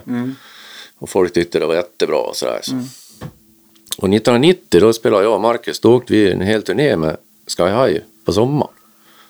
Just det. Då var vi i hela Sverige och spelade med Sky High då. Samtidigt. Det var en jävla, det var väldigt roligt. Wiberg var också med. Per Wiberg spelade orgel. Och jag och Marcus och Yngström. Skitkul. Så då fick man liksom lite mer känn på det. Och ut och åka sådär. Sen, ja, sen med Stånga, jag, jag tyckte det var så jobbigt med det här med marknadsföring och man skulle ta bilder och det var en massa jävla intervjuer. Och, alltså vi var med i Dabrowski på tv. Jag, visste, jag hade aldrig sett Dabrowski. Jag visste inte vad det var. Det är ungefär som man skulle vara med i, i vad heter hon, Wahlgren. Mm. Ja, nu visst. kanske, typ. Ja. Jag visste inte ens vad det var. Jag hade kollat. Jag kollade aldrig på tv. Inte på radio. Jag lyssnade aldrig på radio. Jag visste inte något. Vi var med på alla sådana jävla program. Jag hade aldrig hört dem. Liksom. jag hade ingen koll på det. Jag tyckte det var helt urdrygt. Liksom. Så det var väl det som gjorde att jag slutade. Och sen de skulle göra tredje skivan och tänkte nej, jag orkar inte med det här. Och då kom jag inget längre också. Det har också med det att göra att då... eh, Jag kunde inte lära mig något mer av det där kändes det som. Utan då hade jag kommit till vägs ände i min, min egen utveckling. Och då har jag alltid slutat. För musik för mig är egentligen en, en konstant skola från ända sedan jag föddes tror jag. Och fortfarande att jag ska försöka bli, jag ska försöka spela alla toner så bra jag kan. Och Det är bli det som är så liksom. fantastiskt med musik, att man blir aldrig klar. Nej, Det är ju underbart. och då vill jag liksom vara i sammanhang som jag känner, ändå känner att jag utvecklas i, helst. Sen kan man ju spela i, sammanhang som det är jävligt roliga människor med, eller så också. Liksom. Så det är inte bara så, men det är lite sådär att när det inte har hänt, när det inte, när det inte kommer någon längre i det hela, då, då slutar jag. Liksom. Då måste jag Men jag tänkte på Stonecake när det tog fart. Skedde, skedde det någonting också utomlands eller var det mest i Sverige? Nej, det var mest i Sverige. Vi var väl i Danmark och Finland och, och sen var vi till Holland och gjorde någon reklamgrej. Så en spelning i Tyskland tror vi gjorde. Så det var Okej. inget, ut- det, vet, det fanns inga, Det släppte inte där liksom. nej det fanns inga resurser att göra någonting Nej. heller tror jag. Skivbolaget var ju här under, som under, under mattan tror jag. Mm. Så det var nog, det var ju, ja det var ju synd på sitt vis. Men vi tänker hela tiden att, att det- vi har det ju bra nu. Så det, man kan ju liksom inte vara bitter över att vi ju varit ju blåst på massa pengar och äh, det var ju massa jävla skit på egentligen. Mm. Men det var en kul upplevelse ändå. Vad var- hände efter Stonecake? Ja, för min del så var det att min vänster handled var urkass. Så jag hade så ont så jag kunde inte spela knappt. Karpaltunnel eller? Ja, det kanske det var. Jag var ju aldrig iväg och kollade något riktigt. Eh, För då hade jag spelat åtta strängat mycket och det man vill trycka hårt. Liksom. Ja, ja visst. Man vill liksom trycka in den tjocka strängen i fingret för att komma åt den tunna ungefär. Ja. Mm. Och sen var väl den, ja den var väl också lite långt åt vänster som själva halv, eller själva hur det Mm. Balansen sitter. i Balansen. instrumentet. Ja, Instrument. så då hade jag hemskt ont i handleden och sen det blir det är som en ergonomisk katastrof att spela bas. Så, så då spelade jag nog ingenting på ett, i alla fall ett år tror jag. Jag hade ingen bas i alla fall. Sen kom vi igång med det där Death Organ sen då. Just det. Så då höll vi på med det lite grann. Eller rätt så, ja ett år var det ganska mycket också. Det var ju kul, det var ett utveckling också för då var det ännu mer cirkusskott med ljud och Ja, ja, dis, mycket distar och Fast jag har alltid, alltid kört två riggar då när jag har dist. Jag har alltid en som är liksom grundljudet i. Mm. Och sen det andra ligger runt omkring och susar omkring. Ja, men det är som Jörgen Karlsson som vi haft som spelar Gaft Mule förut. Ja. Som, som bor i LA. Han, kör, det är också, han har alltid en basrigg och, och en Marshall för dist. Liksom. Ja. Samma tänk. Och då har jag kört, ja ända sedan jag började med det har jag kört med, med Leslie. För att få det där att det åker omkring i hela... Det blir så stort. Har du hittat någon Leslie-simulator som, som du tycker gör, eh, gör det bra liksom? Ja, det blev så här då att... Ja, det är ju inte förrän... eh, Sen är, det var ju Stonecake och sen var det Death Organ. Och sen, men, vi spelade in en live på Fasching med jag och Yngström Åhman och spelade Hendrix, en tribute till Hendrix. Då hade jag också ett Fender Leslie med mig tror jag. Ja, det hade jag som vanlig basrig. Och sen hade jag även B3 med, jag spelade orgel på det där också. Eh, Och orgelbas då. Ja. Ja. Ja, precis, med vänstern. Eh, ja, precis. Och, men annars har jag liksom inte anv- Det är de tre sammanhangen kan jag säga som jag har använt det Leslie. Mm. Krångel, annars har jag inte gjort det. Då har jag haft vanligt. Men jag har alltid haft... När jag spelar med Sky och med alla yngströmsprojekt annars så har jag ju alltid... Jag har alltid MF5 med mig. Just det. Eh, Och den har jag då använt... Vad är det den har MF5? Den har nästan allt va? Ja, jag har använt första presetet. Det, man, det är ju så bra med den för man har fyra presets man kan göra. Man kan programmera Just den. det. Så man kan få flera saker hända samtidigt, bara trycka på en knapp istället för att trycka på fyra pedaler. Liksom. Annars är jag ganska emot uh, multi-effekter har jag liksom aldrig varit intresserad av. Det är ju fränare, en pryl, en lodda för varje grej, men det där var ju ändå praktiskt. Så den har jag haft jämt. Den tror jag köpte 1990 alltså. Och den, jag kommer inte ihåg, men den var väl inte så att man, eh, att man hade alla effektrattar på... Nej, nej, det är ett helvete. Man får sitta helvete, i, i menyer och jävlas. Ja, mm. Men då är det lika med den där Norden när jag programmerade den för att spela med Hughes. Så programmerade jag den där 1990 som kan man säga. Mm. med femman. Sen har jag haft så sen. Mm. Jag ändrade inte det sen. Då, jag, då kan jag sitta i tre dagar och knöla med det där och sen är det, sen är det så sen. Liksom. Och då har jag haft ett preset som är, det är noll då, som ingenting. Det är grundljudet. Och sen har jag haft en dist med en jävla massa ekon och skit tror jag, som man brukar ha på slut på låtar så som låter jävligt illa. Sen har jag haft någon chorus med några reverb som blir sån här Pastorius chorus. Och sen har jag haft en, en som en volymhöjare med delay. Och sen har jag haft en Morley nästan jämt. Så när jag spelar bassolon så kom jag på det att för jag brukar försöka spela bassolon i låten som har med låten att göra. De andra får fortsätta spela. Jag spelar ju som, jag vill försöka spela ett solo bara att jag råkar ha en bas i handen. Det här är solisten liksom. Ja, han har en bas, ja då så. Alltså jag är inte så mycket för att ha så här uppvisningsbassolon som det nästan alltid varit. Ända sedan jazzens tid att då hördes de ju inte. Och då blir de andra tysta så blir det bara något tisseltasse på trummorna så ska ju basisten göra något fantastiskt. Precis, det ju därför det var så att, att allt Ja. dog då basisten skulle spela solo. Och då ska den göra något superintressant i tre koruser som själv med trumtissel och tasse. Och så är det än idag med bassolon. Alltså, ja, då blir det trummor och bas. Så ska basen spela någon, någon ja, och då liksom, eller varför det?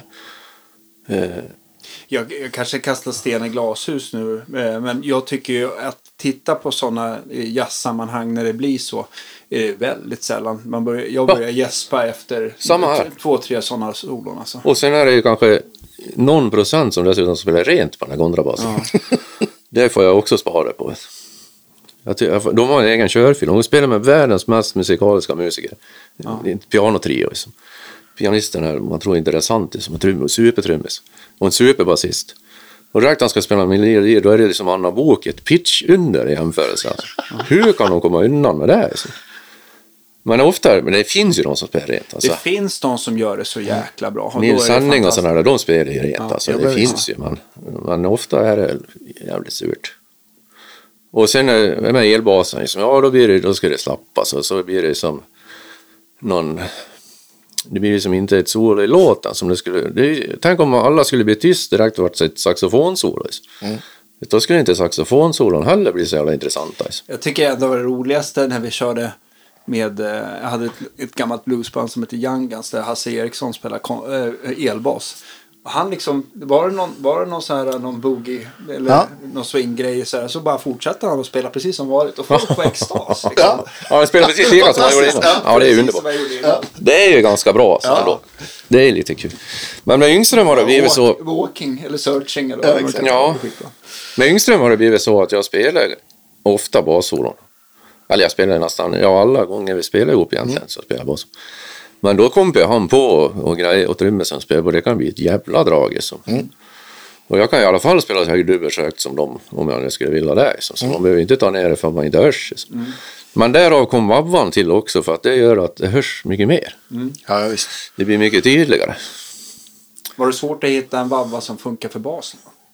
Nå, jag vet inte. Jag, ibland då får jag bara en sån här uppenbarelse tror jag vad jag ska ha för grejer.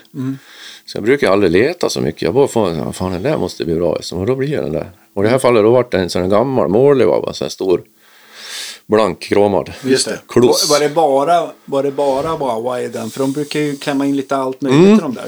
Det var en världens konstigaste finess i den där. Det var att man skulle ha någon sladd ut till ett plektrum i koppar. Oh, wow. Och så skulle man spela med det där plektrumet. Då blev det sån här volym.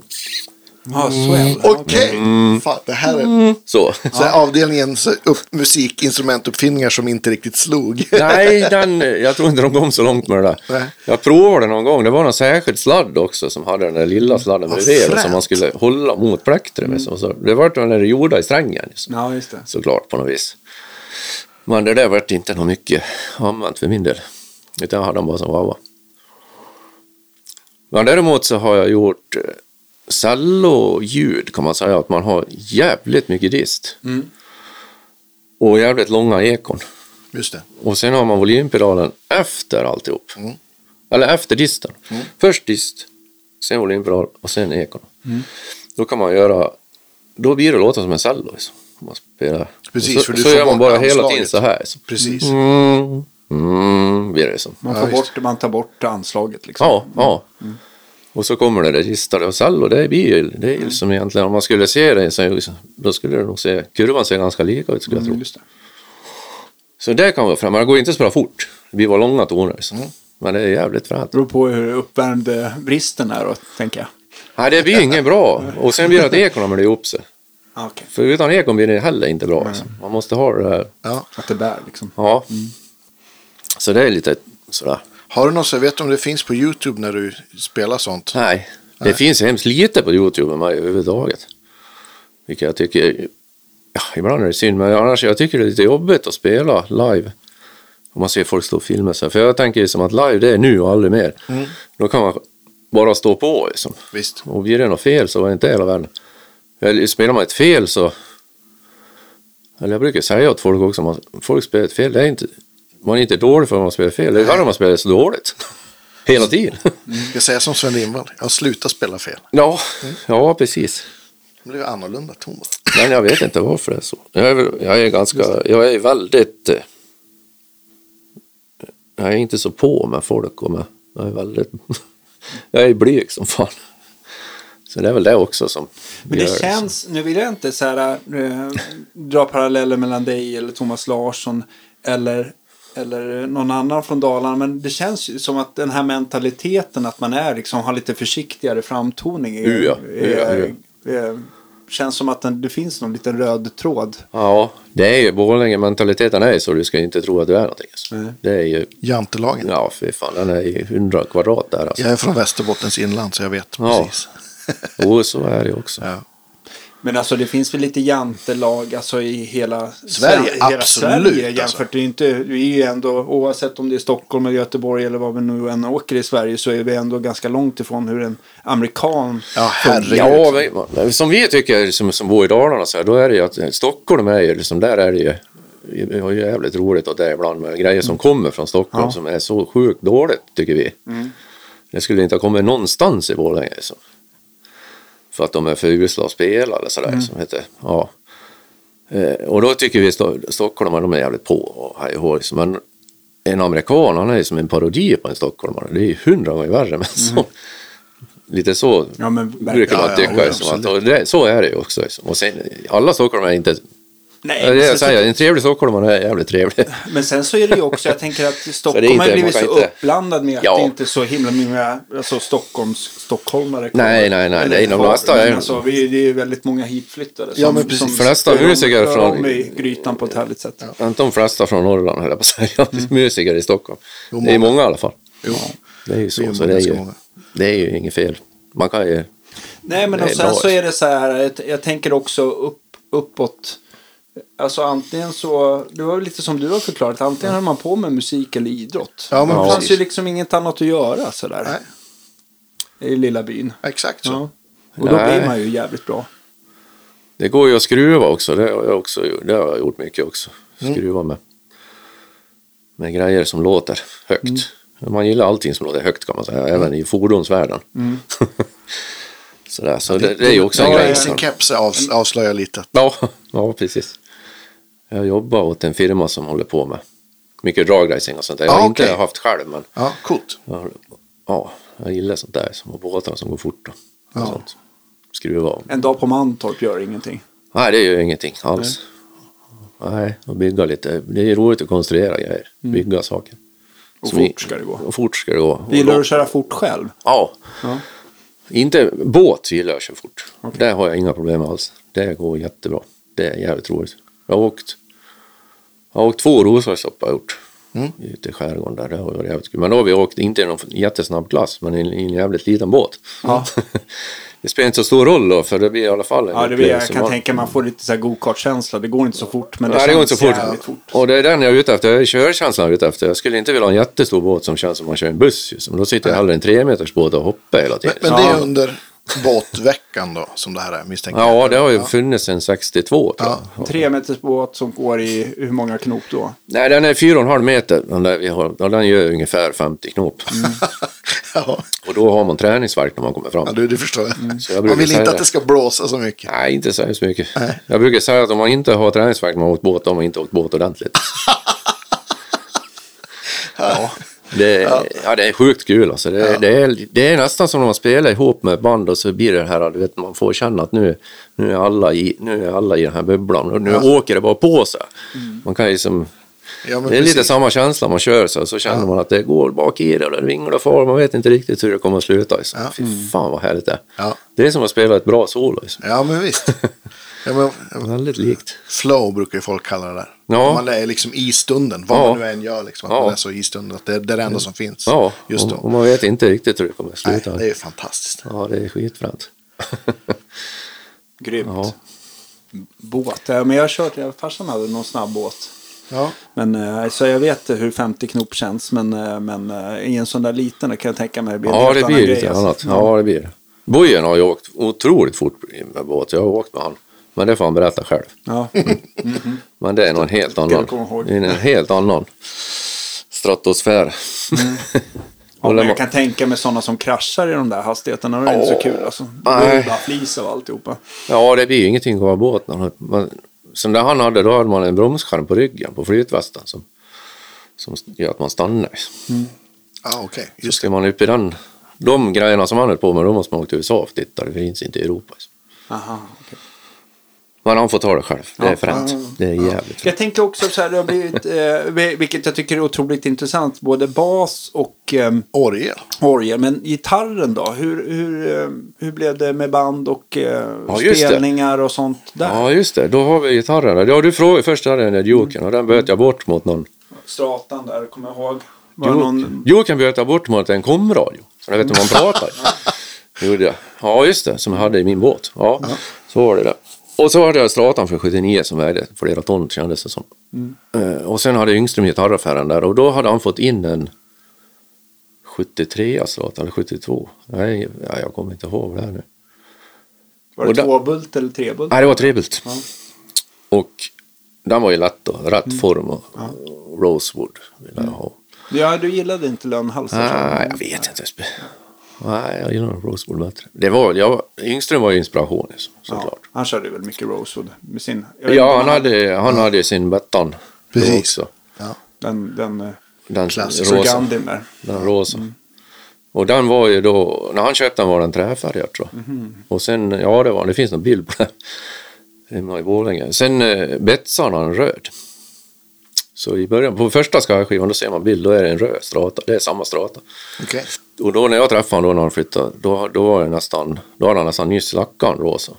Mm. Före det var han röd. Och den där gitarren då, då fick jag byta in den. Min 79 mot den där, det var ju, han var ju väldigt snäll och Yngström. Så då böt jag jämt med det. Perfekt. Så jag fick den där. Eh, Så då, Ja, det första jag gjorde det var egentligen att ta bort treskruvsfästet. Satt dit fyrbult. Eh, och sen slipa jag bort färgen. Det var, det var lite sliten Sunburst. Var. han. Och för mig, min Duke var ju Sunburst. Och jag tyckte Sunburst det var en du. Jag tyckte det var världens fulaste. Ja. Nu tycker jag inte dig om något... eh, Ja, det var hem. Det var katalog. Så, Nej, fy fan, bort med det. där. Så bort med det och så betsade jag min röd. I samma röd som Yngström hade haft. Men han hade, den var inte röd då, men jag betsade han så i alla fall. Och så, så sen har den varit så. Och det är den enda gitarr jag har haft sen dess. Vad coolt! Ja, jag har aldrig haft någon annan. Och ingen, jag har aldrig haft en Gibson, jag har aldrig haft, ingenting har jag haft. Och den är helt original förutom mål, färgen då. Ja, ett tag körde jag med någon sån här Fat, Limalsi och Fatstrat. Mm, FS1 ja. Mm. Den För- är ju till Norum och Just tidiga det. Yngve och sånt här. Ja. Exakt. Ja, för en sån har, brukar Yngström ha också. I stallmicken då för 1980 typ. Så det hade jag länge. Sen var det väl, ja ända till jag började med den här Gary Moore-grejsen jag skulle spela då. Äh, provade jag sätta i originalmicken och då blev det ju grejer. Det är så det skulle vara tänkte jag. Så nu sitter originalmickarna. Just det. Men liksom FS1 den trycker väl på, det är väl mer output och mer mellanregister. Mer mellanregister. Ja. Mm. Men jag menar det är inga problem att få om man vill ha ändå. Eller som, ja det är klart mickarna gör ju sitt men Ja, jag har ju varit jävligt nöjd att sätta i original. Jag har varit så förvånad att jag har haft den andra i så länge. Jag hade Jo, väl inte det- brytt mig då. Är det inte ganska skönt att ha just med Strata att man har, alltså även om det är tre mickar, att de har relativt samma Jo, output liksom, Ja. och svar. Så att annars så tycker jag att det blir mer att man vill, skulle önska, om man rattar ljudet för FS1 så blir de andra lidande mer. ja. Jo, så blir det ju. Men det är nog ändå lite mer drag i stallmicken kan jag tycka. Men den sitter väl lite närmare också. Ja, man kan skruva närmare. Och sen den där i mitten, den är ju bara, ja man kör ju ägglägena bara. Ja. Jag, jag spelar väldigt sällan på mittmicken. Liksom. Och sen eh, för, ja det var kanske tio år sedan, då fick jag nå då kom Yngström med en sån här, eh, för jag tyckte sadlarna, är de är mjuka liksom, det blir ju spår och Just det inga höjdare. Men jag hade haft det i alla fall, så då, ja, då kom man med såna här titansadlar. Mm. Så då satte jag dit dem. Och Tyckte då- du att det ändrades ljudmässigt eller var det bara att det höll?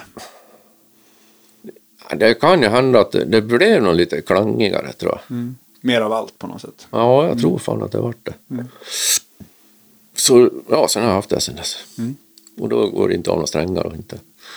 Sen har jag stallet så att jag kan liksom dra både Ja, och jag neråt. hörde det på dig att du... Ja, och det är ju, Det där är ju egentligen Jeff Beck eh, inspirationen från Mm. förr att man gör, man gör vibraton som går blir både uppåt och neråt. Mm. Man gör med fingret blir det ju bara, Bara uppåt. uppåt, liksom. ja. Om man inte tar ton först. Ja.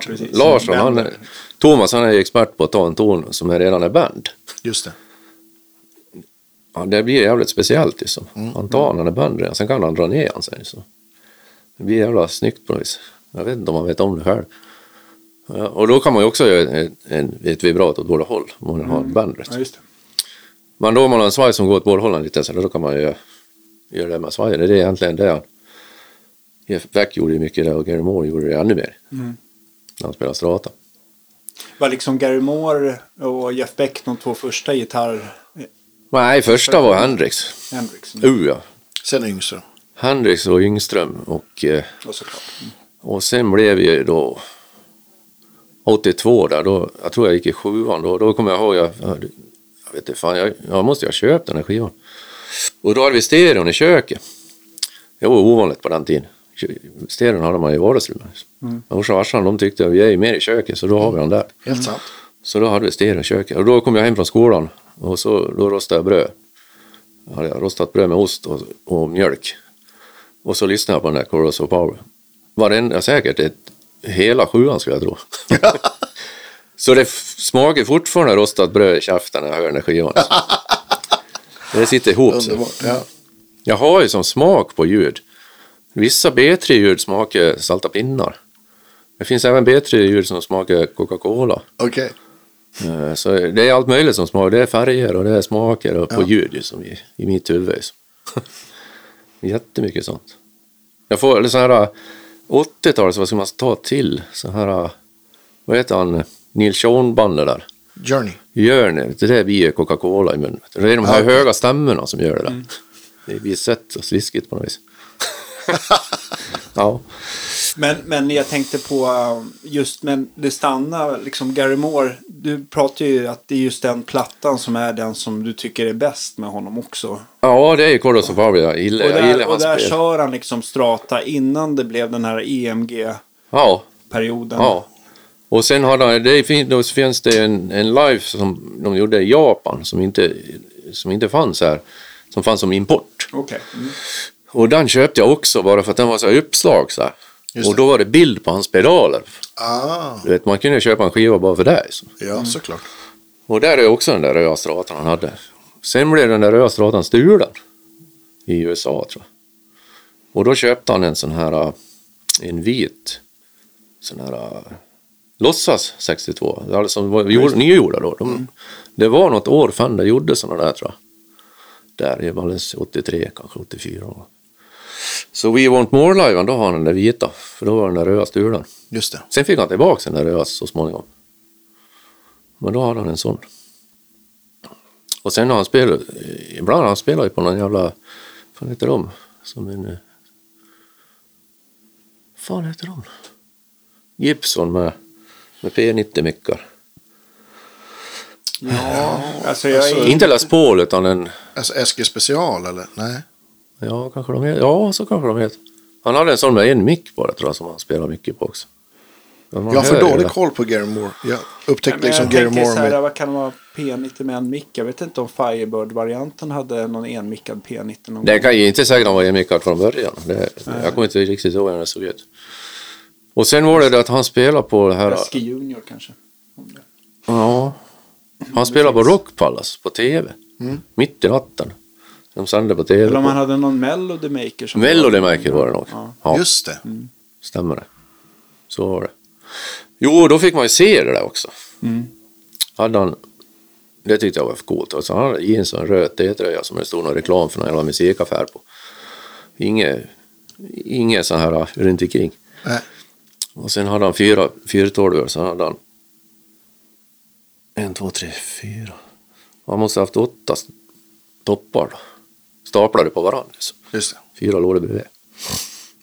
Sen har jag fått reda på att han, han, hade, han körde monitor i Marsan. Från trummorna och från... Jaha. Sen hade han volympedal, Boss-volympedaler på golvet så kunde han ställa mycket av keyboarden han ville höra. Så liksom.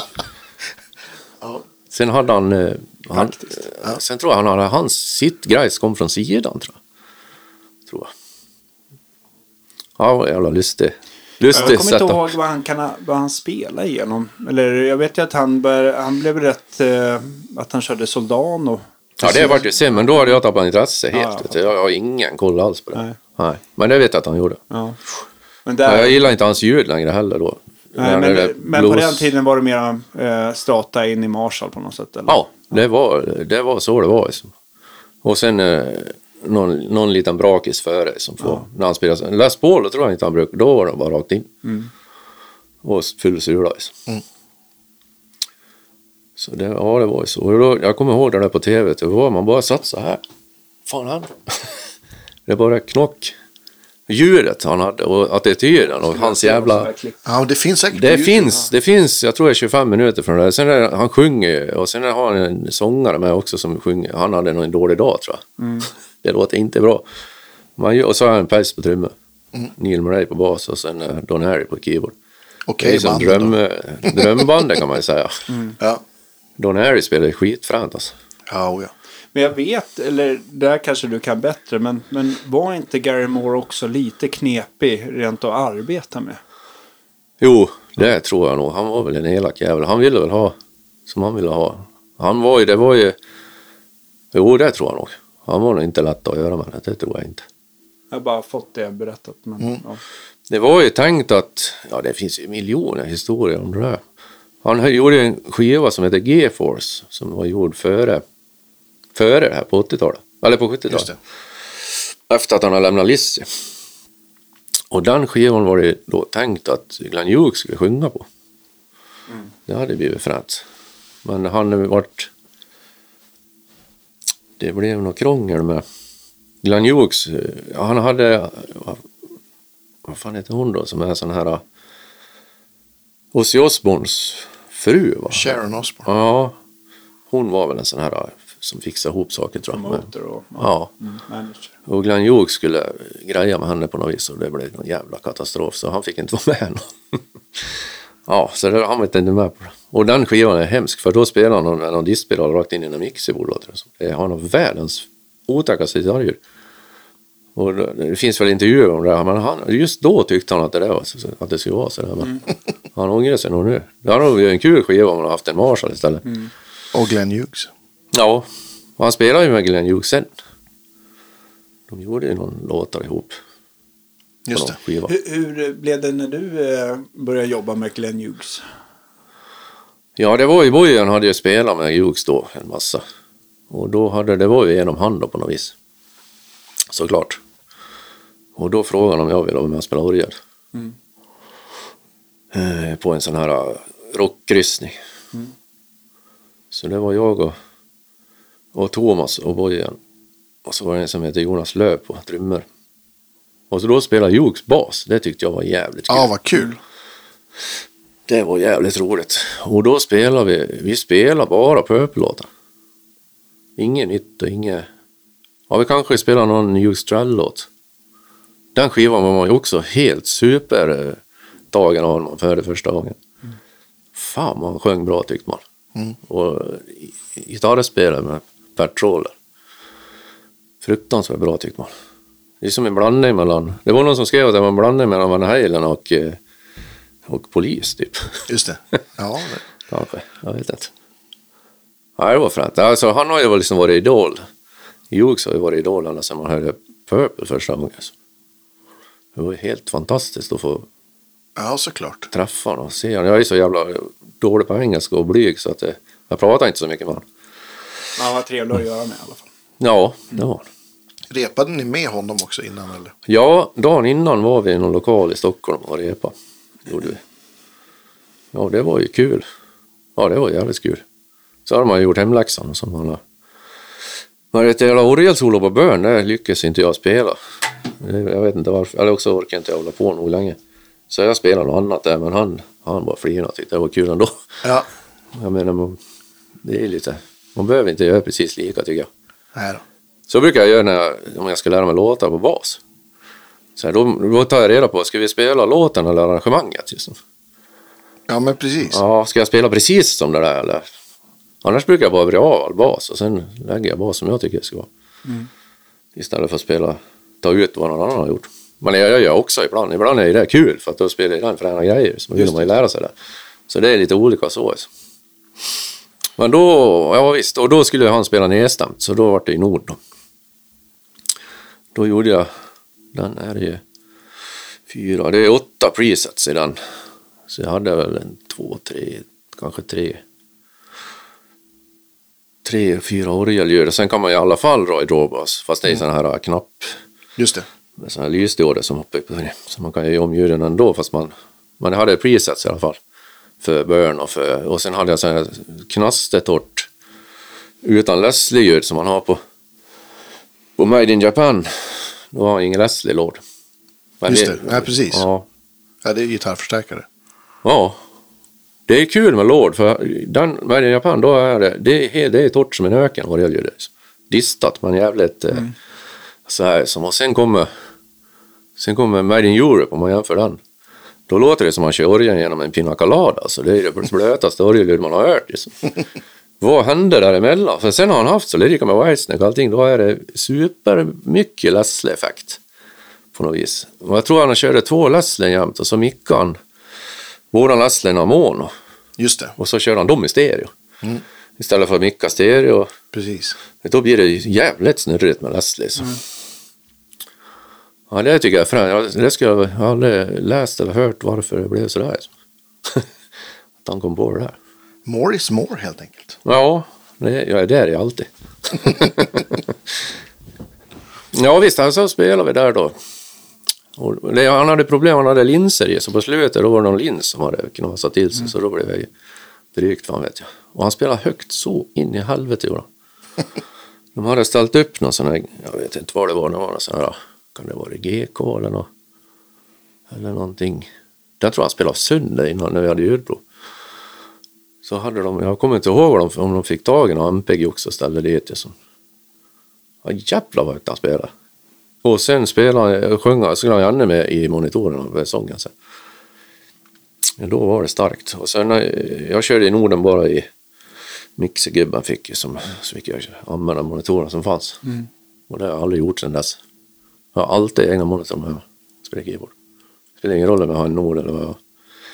Vad, vad släpper du med dig då för att det ska funka? Äh, oftast om det inte är något jätte, jättestort, då har jag en liten LD. Sån här med en, en 10 sub. Sen har jag som en pinne så sitter de andra två lite så här, så lite ifrån varandra en liten bit ut. Just det. Och då blir ju det ungefär i samma storlek som ett Leslie. liksom. Just det. Då, om man inte ser det så tror man att det är ett Leslie som är bakom, för djuret uppför sig likadant. Liksom. Jag har aldrig förstått keyboardkillar att de liksom bara litar på att de får en monitor. Det låter inte alls som det ska göra. Liksom. Men det är de flesta är nöjd med det. Men det är, det är ungefär som man skulle säga till en gitarrist att nej, men, ljudteknikern har en distbox. Liksom. Just Det kan man Men jag inte. tänker på all, alla gig där det är liksom... Jag vill att det ska det låta bra. Det jag liksom ljud, det är liksom ljud från scen och det kanske är sång som går ut i P. Alltså det, kan, det kan ju låta konstigt om som bastrummor och gitarr låter mer från scen och så sen har man keyboarden bara från PA. Det blir ju lite missbalans i ljudet. Ja, det, ju- blir det jag också. Ja, förstår det blir det. absolut att du vill ha en förstärkare som... Ja, sen vill jag att det ska låta som jag vill där jag är. Mm. Och blir det större, ja nu har jag mina Nex-högtalare, så är det, har jag dem då kan jag ju spela hur högt jag vill. Då blir det ju ingen begränsning så, Mm. i stort sett. Så det, ja, det, det är liksom för att jag ska ha koll på. Och sen har jag, om jag har mera keyboards, så har jag en mixer själv då. Och sen mixar jag det där och då, då säger jag åt mixergubben nu ställ min nivå ungefär du vill ha. Sen är det bra med det här sen. Sen höjer jag när jag ska spela solon och så.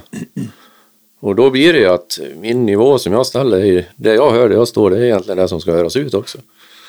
Det är samma sak.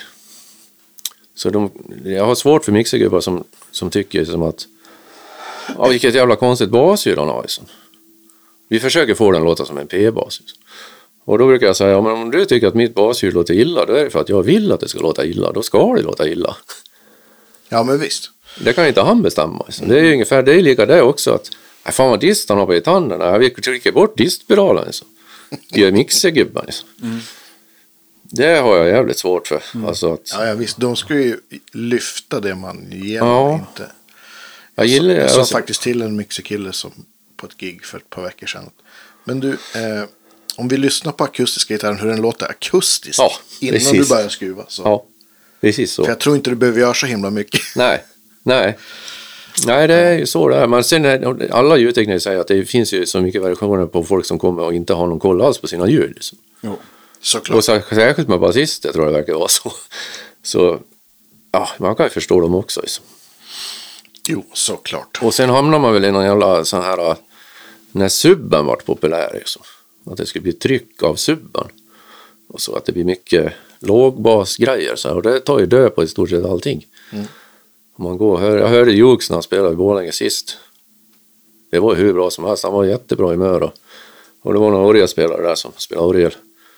Och jag kunde liksom inte höra. Jag hörde ju, jag hörde keyboarden men jag kunde inte höra om det var jag kunde inte höra någon drawbarsen, jag kunde inte höra är det orgelljud eller kanske det kan vara ett dragspel. Liksom. För att subben tar ur, tar ju bort det. Så. Man hör inte det då. Så. Jävligt tråkigt tycker jag.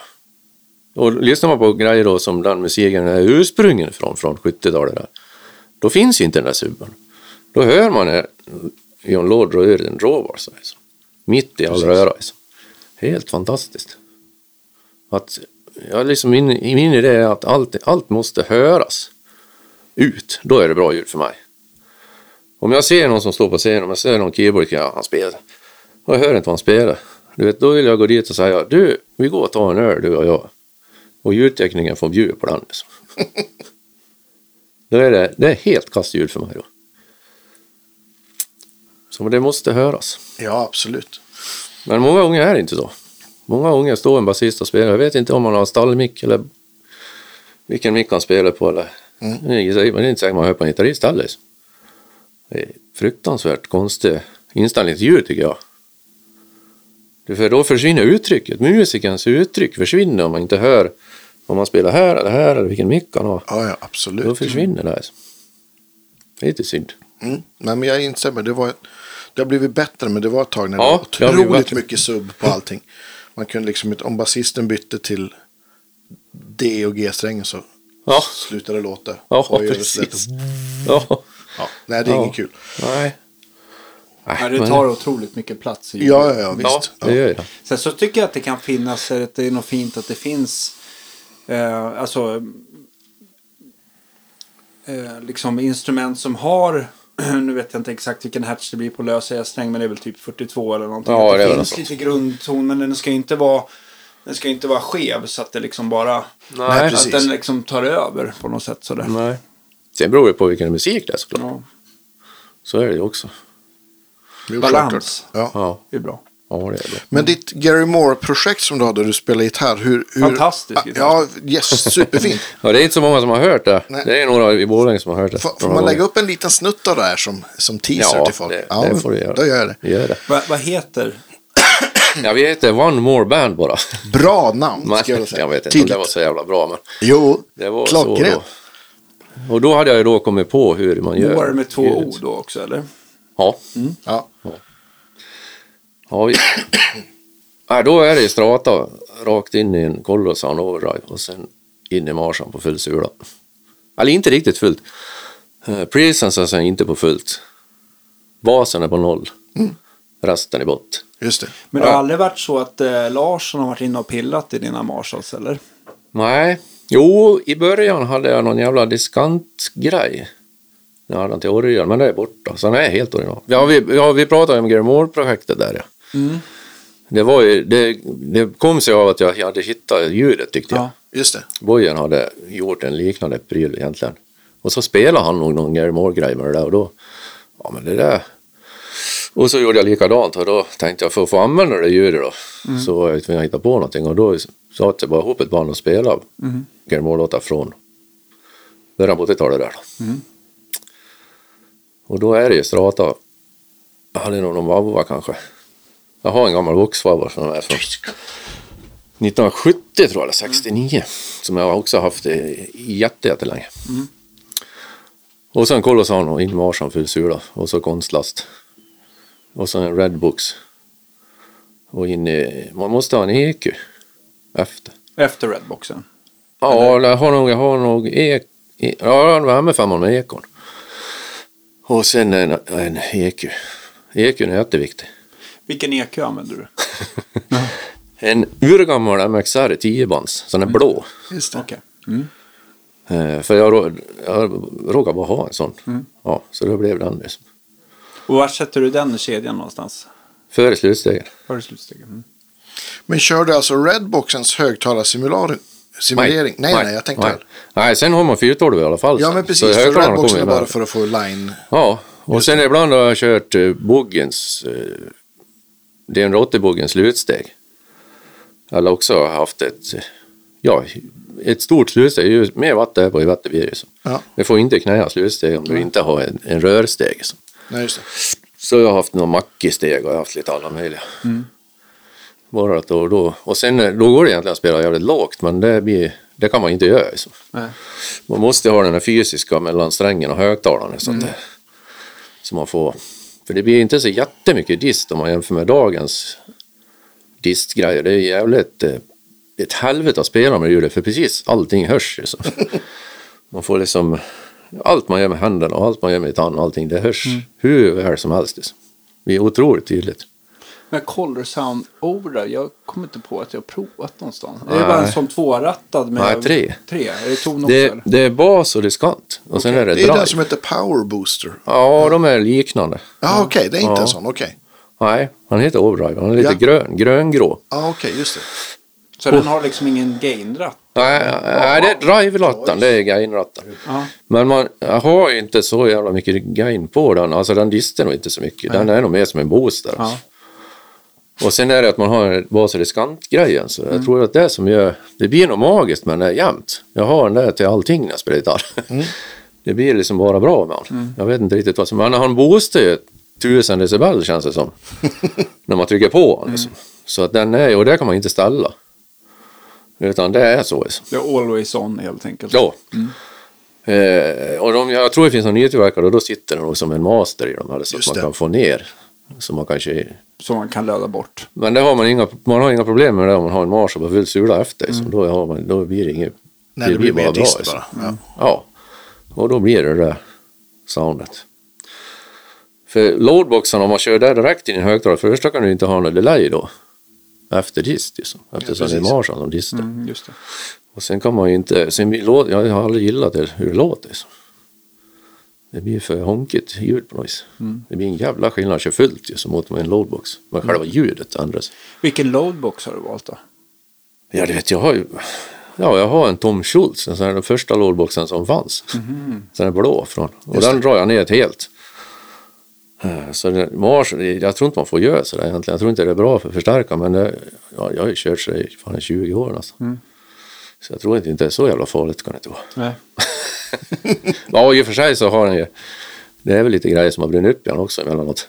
Men det kanske inte har med det att göra, det vet jag inte. Så då, och sen sköter man ju allting med volymknappen på gitarren. Ska man, då kan man ju spela fina ackord och, och sådär. Så. Och sen eh, blir Marsan på fullt, det, är, det magiska med den tror jag är trafon. Att den inte orkar leverera ström. Så att eh, bastonerna blir som, när du tar bara en ton, då blir den jävligt basig, det blir mycket botten. Liksom. När du tar ett helt ackord, då orkar det inte, då orkar det inte komma ur så mycket bas ur den. Och då blir det mycket renare. Liksom. Och så tar du en hög ton, och då orkar den leverera allt. Och då blir den alldeles lagom stark. Så det blir som världens absolut coolaste kompressor. Som är liksom frekvensstyrd. Världens största braklåda. Ja, det blir som en jävligt bra brakdosa. Det tror jag är liksom... Sen säger, jag, sen säger folk att ja, men det är slutsteget som distar och sådär. Ja, det är det ju också. Men jag tror magin sitter i att, att det är då, att, att det blir just den där kompressionen av strömmen. Liksom. Så det där gillar jag som fan. Det, blir, det är svårspelat och lättspelat. För jag har svårt för när...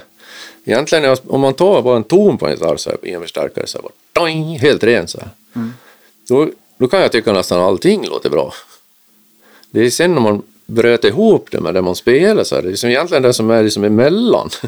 och liksom det som kommer ut ur, ur högtalaren. Liksom, som, och det, där, där blir skillnaden. Liksom. Just det. Blir, och när man spelar fler än en ton också. Ja, liksom. Men sen är det småbrötet som är emellan. Liksom, som, Yngve har väl kanske inga problem med det, för han har inga småbröt emellan. Liksom. Han har ju, eh, han spelar ju så rent. Liksom. Larsson spelar ju också sjukt rent. Det är ju som om han skulle spela liksom, öppna strängar hela tiden. Typ. Sådär. Men en annan bröt är ju på liksom, lite mer. Och då blir det känsligare. Om jag skulle spela med en modernt distljud med mycket, det skulle låta för jävligt. Jag kan inte det. Liksom. Även om det liksom är ett sound som inte tilltalar dig personligen att spela på. Av alla gitarrister du har spelat med, är det någon som du tyckt så här, fy fan det här, vilket jävla sound personen har? Ja. Ja, jag gillar ju Thomas och Bojen såklart, båda de. De låter ju inte lika, men Thomas är ju kul. Man hör på två toner till han liksom. Och han har ju hållit på och knöla med de där förstärkarna och han har hållit på och greja och det låter ju som han hur han bär sig åt. Liksom. Ja. Det blir han. Jag hade en, en, en brakdosa som han hade byggt tidigt, tidigt hemma som jag hittade på i någon låda nu som jag är tillbaka till han efter 35 år kanske. Ja. någonting. Långlån. Långlån. Han kommer inte ihåg att han har gjort det, men då kommer han ihåg det. Eh, Och den var gjord så att den, eh, det gick inte att slå av den. Det var egentligen som en tvåkanalig Just grej.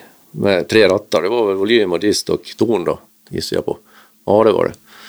Och sen blev det som en, en ny kanal på den. Och den kunde man liksom köra in i nästan vad som helst så lät den som en bogey. Den lät som en bogey. Liksom.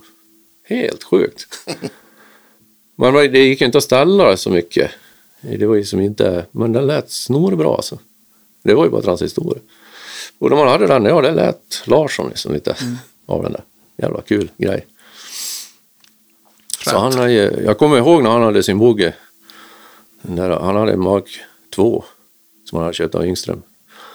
Och sen hade han lånat en eh, någon Boss preamp.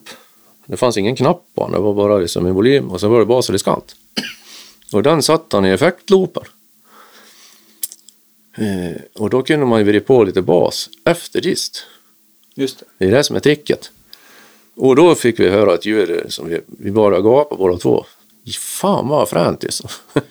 Jo, men precis. För har man mycket bas in i en diskret så, så Ja, blir det övertoner på det och så blir det ganska skräpigt på något sätt. Så Exakt. Ja, det blir ju inte så tydligt. Liksom. Det blir för brötigt. Alltså. En del vill ha så också givetvis. Det finns ju alla jävla smaker så. Men i, i min värld och våran värld, som vi var där uppe i Borlänge då, var det, ville man inte ha det där brötiga. Liksom. Utan lite renare. Så och, då, och det är egentligen det som den Geihor-grejen går ut på också. Det är ju massa. Det var ju Rick Van Halen gjorde ju en. Han hade ju en sur gubbe först och en glad gubbe efter. Liksom. Det, det bygger ju mycket på det. Liksom. Alltihop det där. På något vis. Men nu- jag kommer ihåg så några år när vi satt in och fan, jävlar vad fränt. ja, det var kul. Coolt. Ja, Du, Vi, vi pratade om, eh, om Stonecake basljudet. Ja. Måste vi ta innan vi... det måste vi ta innan vi... Det är ju för att... eh, det var så här, jag skulle repa hemma en gång och då hade jag nog inga basgrejer hemma utan jag hade bara Leslie hemma till B3. Och då... Och det var med något helt annat band. Vi spelade någon Fusion tror jag där. och då spelade jag bas i Leslie och så tänkte jag fan det där lät fränt liksom. Och det där var ju pff, någon gång, ja det var långt före alla fall. Och sen när jag började med Stonecake och då i början hade jag bara vanlig basrigg och sen hade jag lite pedal. när vi gjorde första skivan var det också så bara. Ja då hade jag linat och sen hade jag en rörstärk som gick lite hårt så, så kunde de blanda det där men det var ju inget märkvärdigt så. Men sen kom jag på när vi började spela ute sen att vi är ju bara tre då. Och då kom jag på för att fylla mer så om man har ett Leslie med i bilden eh, med lite dist sådär och basen. Mm. Då, det är så inrotat i orgelsoundet, just själva Leslie-soundet. Att man kan nästan tro att det är en orgel som ligger morre någonstans här bakom. Fast man bara spelar bastoner. Just för att det rör sig lite också. Ja, för att det rör sig och för att det blir liksom ett visst morr i ett Leslie som inte blir i en högtalare på samma sätt. Liksom. Mm, just. Eh, Så då, då tog jag med mitt Leslie och Marsan. Och sen körde jag ju som bara, ingen bas alls i det. Jag brydde ner all bas på tonkontrollen. Och det, lät ju, det låter ju för jävligt kan jag säga. Och distat. Och det låter inte snyggt på något vis som helst vis. Och sen har jag, hade jag då en vanlig basrigg. Då hade jag en Music Man. Då hade jag min Music Man-topp som Vojen hade byggt om. Eftersom jag inte hade råd att köpa en sån här DN80 som jag ville ha.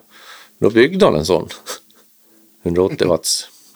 Just det. Den provade Hermansson och effekten i och drog fullt på allting. Och morgon ur sig 400 watt. Shit, ja. Där var det inga underdimensionerade Stratos. Nej. Nej. Nej, precis. Ja, så, där, så då körde jag med det. Och då hade jag ju nästan bara ingen riskant alls i själva basriggen då.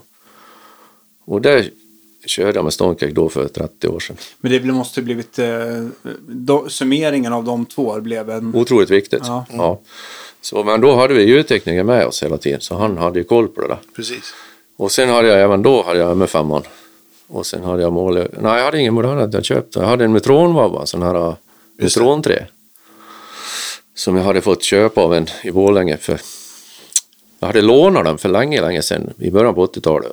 För då hade jag läst att Tommy Kassemar hade en sån i hifi musik. Ja. Han tyckte jag hade världens, han måste ha världens coolaste basrigg för han hade en Metronvabba som jag inte visste vad det var. Och sen hade han olika lådor för baser, så han hade ett litet PA liksom. Stod det där i hifi musik, det Ja. tyckte jag var skitfränt. Fan vad fränt, så ska jag vilja ha liksom. Mm. Och så då, då lånade jag Metron, men jag fattade inte vad jag skulle ha. Jag hade liksom aldrig hört bas, men jag hade inte hört Bouticolles och sådär, så jag fattade inte riktigt hur jag skulle använda. Men då när jag började med Stonecake, då kom jag på att med massa sätt att ha den. till. Så då hade jag den Ja, med femman, Leslie och hela det där. Och sen hade jag en, en Boss pitch shifter. En sån här halvracksgrej. Just det. Som jag antingen kunde köra som oktaver eller också, ja, jag hade nog fast en sån här brun Boss också, oktaver. Men den där pitchskiftaren hade jag kommit på att om man vred den uppåt istället så hade man tagit upp. Och så hade man full feedback på den. Då blev man att låta som någon jävla konstig kyrkorgel. Låter Ja. jävligt skumt alltså. Ja, Och- såklart. Och spelar man då flageoletter så får ju det Leslie, du vet, det får ju åt alla håll liksom.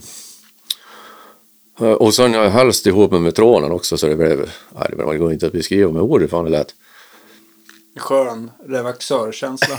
Mm, Ja, ja det var inte elakt ändå liksom. Det vart bara jävligt... Och spelar man korta toner då lät det som bensinfat ungefär. Så du vet, man måste spela på bensinfat. Ja, just det. Så när vi var i Tyskland och spelade, då, vi brukar jamma så vi vet ju aldrig riktigt vad vi gör. Så här, det kan ju bli lite vad som helst. Och då höll jag på att experimentera med det ljudet. Som... Och sen kom jag av någon jävla konstig anledning på att jag skulle spela den där Pippi Långstrump-låten i det där jammet. Med det där jävla bensinfatsljudet. Och det tyskarna, de har ju, alla de kände ju till Pippi Långstrump. De jublade, de tyckte det var skitfränt. Så det var ju så då. Så det var ju lite annorlunda. Men det var ju för att fylla alltså, för att vi var Ja, tre. Att det skulle såklart. låta mer. Liksom. Och sen när vi vart, ja sen har jag hållit på med det läst lite då och då, även med Yngström och sådär också. Och Death-frågan var ju också sådär. Då hade jag ju någon, då hade jag en Big Muff också. Det har jag haft flera stycken. Jag, jag vet inte, jag borde tappa bort dem och de har blivit stulna. Jag vet inte riktigt. Nu har jag ingen. Men jag har en Kolossand. Vad fan heter den då? En sån här uh, Fuss. Vad heter de? En sån här blank. Ja, Eh, De heter ju... Men nu står det still i huvudet. Tonbänder. just det, såklart. En sån har jag. Den låter ungefär som en Big Muff. Man har inte gitarr. Jag kan inte få ur ett enda vettigt ljud ur den där gitarr. Men får jag vet att andra får det, men jag får inte det. Men den är otrolig om man ska ha mycket basdist. Då får man det med den. Jävlar i mig. Så där hade jag då. Och sen, sen blev det då, när vi började med Stonka igen nu då. Så första, vi gjorde nog första gig i, i Borlänge. Eller vi gjorde en, en sån där, vad heter det, när det var pandemier där så gjorde man sån här Streaming. streaming.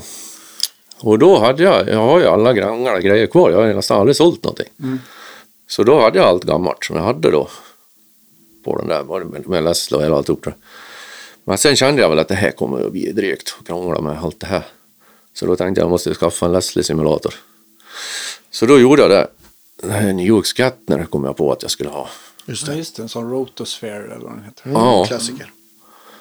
Och sen istället för att ha två riggar, ja då, hade jag, då hade jag, gjorde jag likadant då. Då hade jag en basrigg och sen hade jag samma då som jag har keyboard, som Leslie då, alltså en sån här LD.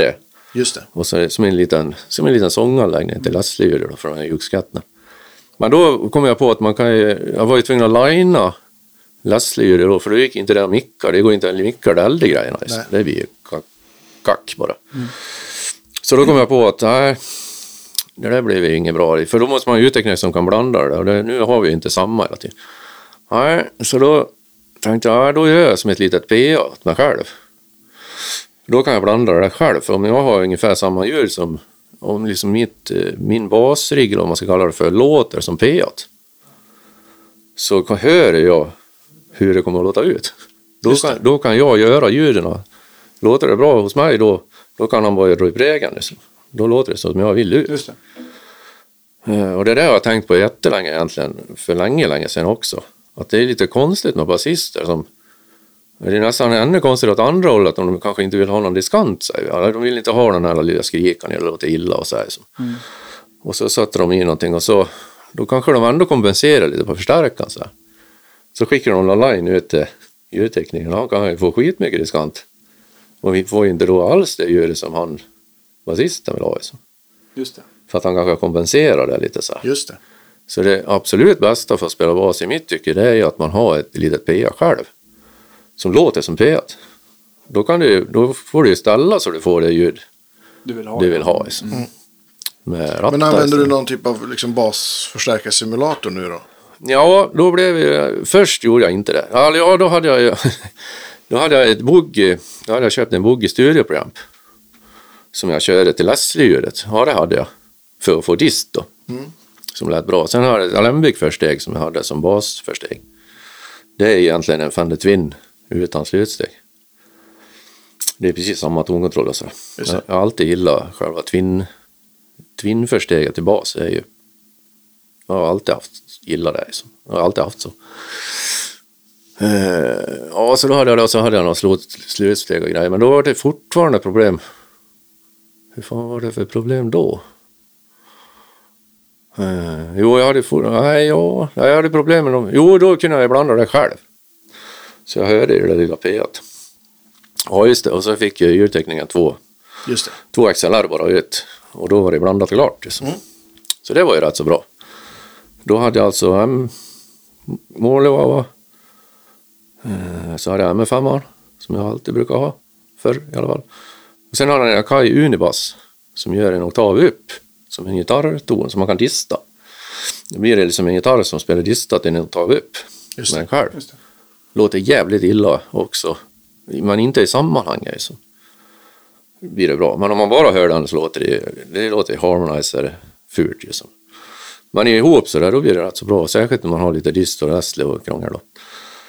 Eh, och sen hade jag en Akai Deep Impact som jag hade hört Wizard hade i Modest Finest några år före.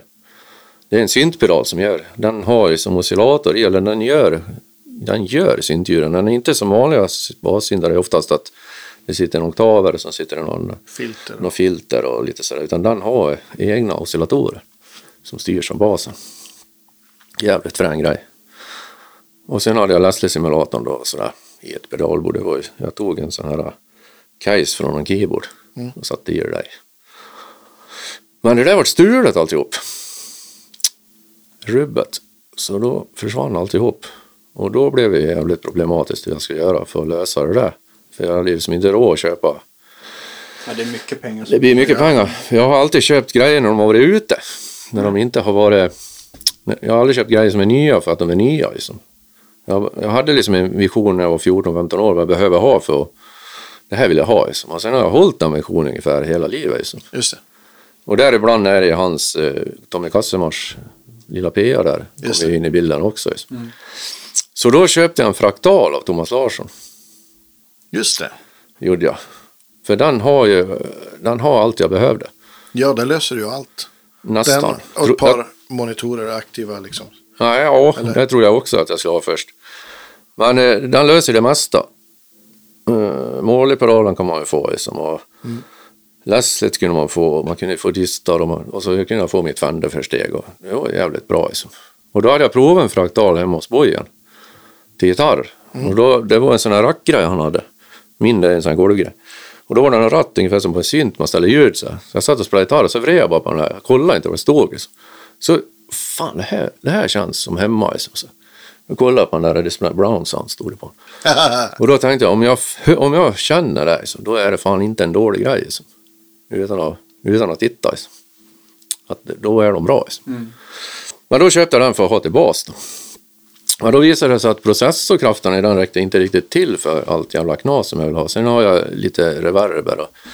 Jag har reverb som, jag har alltid reverb på. Det låter jättekonstigt om man har det till bas. Men den är i skuren, det finns ingen bas i den. Mm. Och så ligger han på lite och då åker den med runt med det där jävla Leslie och gör ljudet mycket större. Så det blir att låta stort. Så att jag har alltid som grundljudet i mitten. Mitt grundljud slår jag aldrig av, det är alltid på. Liksom. Alltså det, det är nästan, det är sällan jag liksom känner den här, eller sällan, jag känner alltid skulle jag säga att man vill nästan prova folks riggar som de Ja, ja, skriver. just. Men den här blir man ju nästan ännu mer Ja. Ja. intresserad av för att det är så jäkla alltså, annorlunda mot Ja, hur folk... verkligen. Och sen Ja. finns det ju harmonizer i, i, fraktalen också. Just Så där har jag också den där oktaven upp då. Just det. Som jag kan greja med. Det är ju kul med vid bassolon och sådär. Eller vad säger jag, gitarrsolon kan man trycka in det så får man. Och sen finns det även synt i den. Och då kan jag få den där oktaven ner med Just det. syntljud. Man kan få sån. Ja, du, du löser allt med den där helt enkelt. Ja, det enda krånglet var att, att det räckte inte till riktigt. Så jag, då hade jag en, en sån här TC Electronic Nova System tror jag de heter. Så den har jag med i effektloopen bara Just för det. att få... Ja, det räckte inte till. enkelt. Jag kunde inte göra nog många rutor i den där. Nej, just det. Eller nog många kunde jag göra, men han orkar räckte inte. Så. så därför blir pedalbordet så jävla stort. Och sen har jag dessutom en mixer längst ut. Eh, För att ljudtekniken ska få Så han har min, min eh, vad heter det, main-regeln. Den ställer jag bara på ett ställe, då är den. Och sen har jag min, det som går till mina monitorer, går, det är liksom, vad heter det då, den där kontrollrums... Ja, monitor. Ja, så då kan jag ställa mitt volym hur jag vill utan att utljudet blir påverkat. Sen kör jag in det i en... Ja, nu blev det en Bering, en sån här 6000 watts slutsteg. Sån där som inte väger någonting. För jag, de andra är så jävla tunga. Jag har andra slutsteg också, men de är så tunga. Och sen in i två PS15 Nexo med sån där processor. Just det. Så det har jag som är här nu. Och det går att spela hur högt som helst. Jävligt cool rigg. Ja. Och det Annorlunda låter... det. Ja, verkligen. Och det går ju, alltså man kan ju få det att låta. Jag vill Har, ha du lite, en- har du lite bilder på det här som vi kan dela till? Ja, jag kan fixa det. Ja, men perfekt. Så vill man ha en Ampeg sån här porta eller sån här 15 eller vad fan heter de, ja då gör man ju det i fraktalen. Så då blir det, det blir jävligt likt. Liksom. Mm. Så allt man gör blir ju, i och med att man har att man har ett, man har ett litet PA. Liksom, då, Har, har du experimenterat någonting till gitarr med fraktalen också? Eller? ja, det har jag gjort. I och med att jag hittade Brown Sounden förut för länge sedan. Så då, jag spelar faktiskt i, mellan jul och nyår här, gästade jag ett band och spelade också några Gary Och då hade jag fraktalen. Och då har jag egentligen bara, då finns det några sådana här eh, som heter 100 watts plexi eller något sånt där. Någon. Så jag tog bara den. Och sen letade jag på någon brakdosa som jag tyckte lät ungefär så jag fick lite mer fånger. Men den tror jag, jag tog bort det. Sen, sen hade jag nog min Colossound för i alla fall sen. Mm, okej. Så då hade jag bara det och det funkar också alltså. Det låter bra gör det. Det, blir, det blir tillräckligt nära din vanliga rigg liksom. Ja, alltså det, egentligen är det så jag har faktiskt aldrig hela mitt liv hittills hört en grej som är mindre som låter bättre än en större. Liksom. Det har jag faktiskt inte varit med om. Alltså Marshall och det där, det låter det blir på något vis ändå. Men den andra kan ju ändå vara mycket bättre på grund av att den är mycket smidigare och det är mycket går det. fortare att få dit och det finns ju tusen fördelar med den där andra grejen så det kan liksom ändå ta ut det där liksom, kan jag tycka. Liksom. Det är lika som att spela på en Nord. Alltså de låter ju bra så här, men det, om man spelar på ett Rhodes som B3 liksom, det, det blir inte, det blir på ett annat vis. Hur man bär sig åt. Men, och då kan ändå Norden vara bättre i må- många sammanhang bara för att det är smidigare och bättre och det låter hur bra som helst. Och Ändå, det håller... det håller så pass bra så Ja. att det, Exakt. sådär. Så, ja, så så är det nu. Intressant. ändå. Coolt. Ja, och det är lite annorlunda tänk. Men det är det, är det för, egentligen för att fylla en Ja, det, det känns ju som att man skulle, alltså jag, det, det, det känns som att man skulle kunna prata hur länge som helst. Så Jag Absolut. hoppas att vi får möjlighet att, eh, att eh, djupdyka vidare i alla och Jag har ju, allt det här, ja, liksom. precis. Jag har en bas som jag, det måste jag nästan berätta om ni hinner. ja, absolut. Eh, när jag hörde Modest Finest liven som är gjord 1979, då spelade han på en Alembic, Just det. Series 1. Det är liksom en eh, hippie-sandwich kallas de för, Mm. eller bokhyllebas. Det är som det första basen som de gjorde av sådana här utrotningshotade träslag som de Ja, limmar men jag, ihop. liksom. jag, jag, man har ju sett några sådana. Originalmöbelbas. Ja, och aktiv elektronik. Jag börjar tänka på basisten PJ som spelar med Attack. Han hade väl alltid någon sån där Ja, variant, det kan nog hända. Ja, visst. Eh, Så det där tyckte jag var fränt. Och det bassolo som är på den liven är ju... eh, Ja, jag gillar det ljudet hur han spelar och alltihop. Och sen var jag i Stockholm 1981, 82 och var på, jag undrar vad det hette, Music. Det var någon engelsman som Market, hade. va? nej. Music någonting hette Music det. Ground kanske? Nej. Där hade de i alla fall alembicar. Okej. Så de hade en sån här series 1 som jag provade. Och jag var ju liten, vet du, den är ju fan... De är jättestora de där och de är jättelångt ditåt. Det är som en SG typ. Ja, det är visst. mycket trä här Ja, kvar. Liksom. Plus att den är pluppen ut också. Den är liksom en spets på. Längst bak, ja. Ja, och den är bara till för att de reparerar gitarrer innan de byggde egna. Och då reparerar de oftast Paul och sånt som ramlar i golvet för att de inte stod i ställ. Då går ju halsen av. Liksom. Och då tänkte de Alembic att fan när vi ska göra en bas då ska vi göra så att man känner sig dum i huvudet om du inte ställer den i ställ. Så då gjorde de den där pjäsen så det går ju liksom inte att ställa den på golvet utan att ha ett ställ. Så därför är den där pjäsen ute. Ja. Eh, men då kostade den 32 000 tror jag, 1982. eller något sånt. Så jag tänkte en sån här kommer det aldrig att bli. Alltså det var ju sjukt mycket pengar. Sen kom det här med eh, Ebay. Eh, Och då hade jag sån jävla tur så jag fick pengar från en sån här same sånt som jag inte hade en aning om att jag hade. Just det. Jättebra liksom. Så jag köpte nå jag tror min fru fick någon hårförlängning. Och sen, har, sen tänkte jag nu ska jag fan köpa en Alembic. Ja. Det var ju, ja så då, eh, då kollade jag och då var de jävligt ute. Perfekt. Och det är min vanliga ordning då, att jag köper grejer när de är ute. Liksom. För då är inte de så dyra. Och är de bra från början, då är de ju bra även när de är ute. Liksom. Ja, ja. Det är alltid bra. så då lyckades jag köpa en sån här Lambic. Som jag då fick hemskickad. Och det, eller jag kan nästan gå och titta på en än för att jag är så glad att jag har Ja, den. kul. Ja, den är, det är en ergonomisk katastrof. Den är jävligt speciell och tung och ingen bra balans och nära mellan strängarna. Och, Ja. och man låter på ett vis som inget annat. Nej, precis. Ett väldigt speciellt sound. Sen har jag träffat Wizard några gånger. Vi spelade på Skeppsholmen samtidigt 1990. Och jag åkte hiss med han. Jag var skitdålig på engelska. I have listened to you when, when I, ja, hela tiden jag skulle förklara för jävla. Och då sa han bara I listen to you now. Sa han. sen, har jag, sen träffade han i Borlänge. Då hade jag min Alembic med mig. Ja. Eh, och då, ja han provade, ja det är exactly like mine sa han. Fast han har högre stränghöjd än jag har. Och då visade han mig hur han gör med tummen. Hur han spelar. Han spelar nästan hela tiden med tummen. Men som ingen annan. Nästan. Jag, ja, någon mer jag har sett det någon gång som gör så. Han spelar långt bak, nära stallet. Inte här uppe över halsen. Han, så att nästan alla de slår ju, de dytter till på strängen. Så. Ja.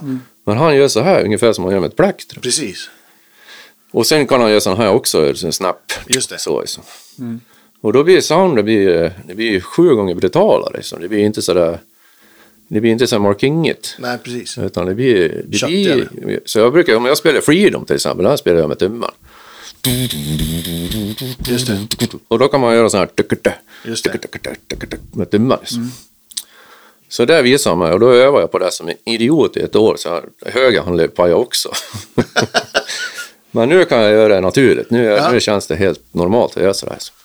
Men det är ett helt annat sätt att spela med tummen än vad de flesta andra gör. Ja.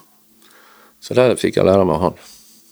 Coolt. Och då berättade han också att han lärde basisten i Dixie Drags, Andy West, att spela med tummen också. Och det är ju också en idol till mig som Just också det. spelar Lembic. Ja. Dixie Drags har jag lyssnat mycket på. Ja. Så det är liksom, ja, jävligt kul. Så skrev han på min Alembic bak, Wizard. Ja. Maddis Finest, MF. så. Ja. Sen gjorde han någon jävla, fan har du gjort någon jävla hjul liksom så här. Då var det. Ja. Och var lite, känner man sig lite korkad. Ja visst, så, så är det med den grejen. Och då när jag köpte den, den var ju inte dyr då. Så den Nej. var ju alltså för. Nu tror jag den. att de Vad, är dyra igen. vad, ska man, vad ska man köpa just nu som är ute då? Precis. Ja, jag har en sån här podd kanske, en sån där som ser ut som en... Ja, men precis. Allt, allt som är tidigt 90-tal, Ja. så här tidigt mitt 90-tal, är väl ganska ute. De tyckte jag var helt värdelösa. Helt. Det, Alltså. låter väl som att du skulle kunna tycka det fortfarande. Ja. ändå.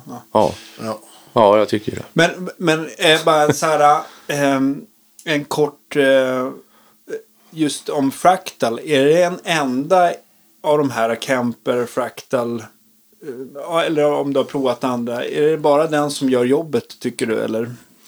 Nej, det vet jag. Det blev ju så bara för, för Thomas hade den... Han gillar den. Jag visste att han hade en sån här fråga. Jag ringde bara till honom. Du, din fraktal, liksom, kan jag låna den för att prova om den funkar? Liksom. Så var det liksom.